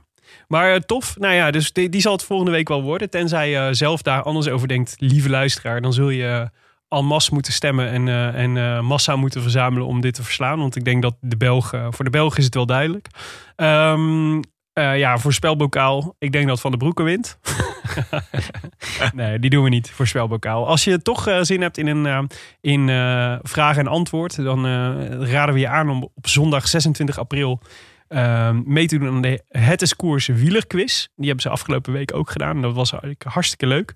Maar eh, de editie, de, de, de tweede editie, eh, schijnt nog veel leuker en nog veel beter te worden. Zondag, aankomende zondag 26 april om, eh, om 8 uur doen ze die. Ehm, ik neem aan dat, dat de Rode Lantaarn ook alweer aanwezig zal zijn met, met, in, in enige opstelling. Ehm, dus dat wordt tof. Kunnen wij een team vormen of niet? Dat kan zeker. Dat kunnen Ja? we regelen. Ja hoor. Dat is wel leuk misschien, toch? zo'n Mobbystar denk ik als we samenwerken. Maar goed, Ja. kunnen we proberen. Dan ben ik wel uh, Unzue. Totale Moet je madness. doen wat ik zeg. Totale madness. En we kregen deze week natuurlijk nog een, eh, een blijde verrassing van onze, onze geliefde sponsor, fiets van de show Canyon. Die ons zomaar ongevraagd een, eh, een eh, berichtje stuurde van een, eh, van, een, eh, van een nieuwe amigo van de show. en daar moeten we misschien maar even naar luisteren. Hola amigos lectores del Héroe del Artán, saludo especial de Nairo Quintana, manténganse seguros y saludables en casa. Saludo especial para Kenyon Holanda, de Nairo Quintana. Bompa Nairo. Jeetje. Moeten we nou van hem gaan houden ook? Ik hou gelijk van hem. Ja. Dit is eh, één keer groetjes en je mijn hart heb je. Hij zegt het ook met zoveel liefde in zijn ogen. Ja. Ja, Dat vind ik er zo mooi aan. Je moet het fragmentje kan je op onze sociale media bekijken. ja dan zie je, het, eh, zie je het met beeld en al. Maar zegt hij ook de rode lantaarn of zegt hij het op zijn Spaans, Colombiaans? Nee, nee, nee. Zegt, hij probeert het in ieder geval in het Nederlands te zeggen. Wat vet, hè? Grote klasse Heerlijk. van ons Nairo. Goed. Maar eh, Nairo, hè, die, gaat, eh, die gaat nog goed worden hoor, komende tijd. Dus eh Ja, als we nog mogen fietsen. als we nog mogen fietsen voor, Ja. voor dat Nairo. Nairo is wel vaak goed in het najaar. Zeker. Voor Tatje. U luisterde naar De Rode Lantaarn, gepresenteerd door uw favoriete bankzitters Tim de Gier, Willem Dudok en eh, mijzelf, Jonas Riese. Veel dank aan onze sponsoren BBB, Cycling Canyon, fiets van de show en Scorito die een fictief wielerspel eh, is gestart. Dus eh, ja, een Ja, soort ik heb van... eh, ongetwijfeld geprobeerd. eh, nee, ik heb het nog niet geprobeerd, maar eh, de, de- we hadden het net over eh, eh, het spel, voetbalmanager. Dat, zoiets eh, zijn zij dus ook nu eh, gestart. Kan jij meedoen? Erg leuk. Eh, de Roland Taarn wordt verder mede mogelijk gemaakt door Dag en Nacht Media en hetskoers.nl, de wielerblog van Nederland en Vlaanderen. Wij danken hen voor de steun op vele fronten en in het bijzonder Bastiaan Gjaar, Maarten Visser, Leon Geuyen en notaris Bas van Eyck, tevens gediplomeerd brandweerman te Maden. Willem, hebben wij nog een update? Zeker hebben wij een update. Ehm, ik neem jullie mee naar zaterdag 11 april 2020. Ga je dat van hem nu elke keer doen? Dat je Zeker. zelfs zijn hand pakt? Ja, dat werkt heel goed voor Ja, prachtig. Echt. eh, Dus ik neem jullie mee naar Ja. zaterdag 11 april 2020. Eh, om eh 15 uur 56, 4 voor 4, eh, werd het brandweerteam Maden gealarmeerd voor een automatisch brandalarm bij de Prisma aan de Prinsenpolderstraat in Maden. Prisma is een eh, begeleid, wonen, begeleid wonen project. Eh, omdat een automatisch... weet echt alles hè, van Maden. Ik, ik heb dit even geresearched. Ah, oké. Omdat een automatisch brandalarm in de meeste gevallen loos alarm is, hebben we eerst goed uitgevraagd of we wel die kant op moesten gaan. Vanwege het coronavirus proberen ook wij namelijk zoveel mogelijk binnen te blijven. Snap ik heel goed. Snap ik heel goed. Via de meldkamer kregen we te horen dat het brandalarm geactiveerd was door een fout tijdens het bakken of braden. Tim, Oh, ja. heb jij ooit wel eens een fout gemaakt tijdens het bakken of braden? Ik heb een keer vlam in de pan gehad. Dat En wat moet je dan doen, Tim? Je moet er geen water bij gooien. Heel goed. Vraag, wat moet je doen? Een dekentje eroverheen? De zuurstof weghalen. Heel goed. Deksel. Ik zou voor een deksel gaan. Ja. Deksel. Anders vliegt die deken in de fik. Ja, een theedoek Heb is je ook dat goed. weer? Ja, maar het is beter dan niks. Het is beter dan dat je er water op pleurt. Ja, dat moet je niet doen. Dat moet je niet doen. Eh, maar goed, daarom heeft eh, de brandweer Maden samen met de meldkamer besloten om niet uit te rukken. Oh, dit is altijd... Ze zijn weer ouderwets niet uitgerukt bij de brandweer in Maden. Zeker. Eh, misschien kunnen we ze een vraag stellen over de branden bij Tsjernobyl. Dat ze daar volgende week eh, een, eh, hun licht op laten schijnen. Is dat een Hoe ze daarmee om zouden gaan. Ja, wat zij zouden doen. Ik Ja. gok niet uitdrukken. In nou. overleg met, met de meldkamer besloten dat we de brandweer in Den Hout sturen. Dat ze eerst even bellen of het wel echt nodig is. Even aftasten. Oké, eh, wil je reageren op deze Rode Lantaarn? Dat kan via vele wegen. Je kunt ons sowieso vinden op Facebook en Twitter. Eh, maar je mag ook mailen naar groetjes@deroodlantaarnpodcast.nl. En we vinden het superleuk als je een keer een review achter wil laten op iTunes. Omdat we ze zelf heel erg leuk vinden. Maar ook omdat ze anderen helpen om de show te vinden. Tim, hebben wij er nog eentje? Ja, we hebben een hele leuke. Van Ed Knitje. ja, zo heet hij. Ja. Ja. Voor de echte wielerliefhebber. Vijf, vijf eh, sterren geeft hij ons. Heerlijke podcast om in de auto naar het werk en terug te luisteren. Als echte wielerliefhebber luister ik graag naar jullie. Wellicht is het een idee om eens met, tussen aanhalingstekens, oude wielrenners als Kuiper, Zoetemelk, Winnen of eh, Jean-Paul van Poppel een special te maken. Ga zo door, kerels. Groeten uit Twente. PS, wat is jullie natjes top 10? Nou, die natjes top 10 die moeten we misschien even een keer... eh, dit moeten we, het is wel leuk. Moeten Ja. we misschien een keer doen. Moeten we even over nadenken. Ja. Maar ehm, Deze champagne komt er wel in. Die oude renners, ja, we hebben altijd eh, een van onze voornemens met eh, specials is altijd eh, leer beter naar de koers kijken. Dat is eigenlijk de reden waarom we die specials altijd doen. Dan gaan we naar renners toe en dan gaan we met ze praten om, zodat wij beter naar de koers kunnen kijken en er meer uit kunnen halen. En als je dan oude renners doet, ja, dan leer je meer uit oude koersen te halen. Dus dat is eigenlijk een iets ander format. Maar ja, misschien moeten we toch. Ja. een keer- lijkt me wel leuk om een keer. Jawel, ah, de reden dat we het niet doen is toch omdat eigenlijk die, die, die wat oude mannen komen al best wel vaak aan het woord. En mensen die momenteel in het wielrennen zitten, niet zo heel veel. Wat toch een beetje gek is. Ja. Toch? Ja, ik vind sowieso dat sporters te weinig lang worden geïnterviewd. Dus dat willen wij graag eh, doen. Maar het, eh, ik vind het een goed idee. Ik zou graag toch een keer op de grasmaaier met eh zoetemelk willen zitten. In Mo. Jullie? Met Joop, zeker. Ik wil altijd wel op de grasmaaien met Joop. Dat is prima. Joop, Joop zit ook op, eh, op eh, Twitch? S- eh, Swift. op Twitch. Oké, nee, laat maar. Kunnen we die ook volgen? Hier, Dat, dat die, dat die wielermanager aan het spelen is. Joop die Zwift op Twitch, dat lijkt me echt te gek. Oh, dan is dat is echt weer, zo, weer Captain Planet. Your powers combine. Zeker. Jongens, Leuk, wij jongens. zijn er volgende week weer. Eh, voor een voor-slash nabeschouwing van Luik Bastenaken Luik. Waarschijnlijk 1999. Eh, dus ik heb er zin in. Frankie van den Broeke. Eh a biento. A biento. A biento. I wish I could be in the south of France. In the south of France. Sitting right next to you.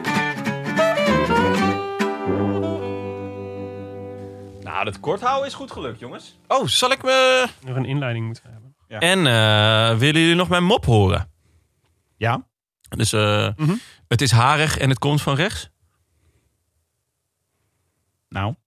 Een orang-oetang. Het ging over orang-oetangs, toch? daar, daar moest hem op over gaan. Orang-oetang. Ja, snap jullie hem of niet? Ja, nee, ja. ja. Nou, dan mag je ook wel... eh, ja. a- a biento.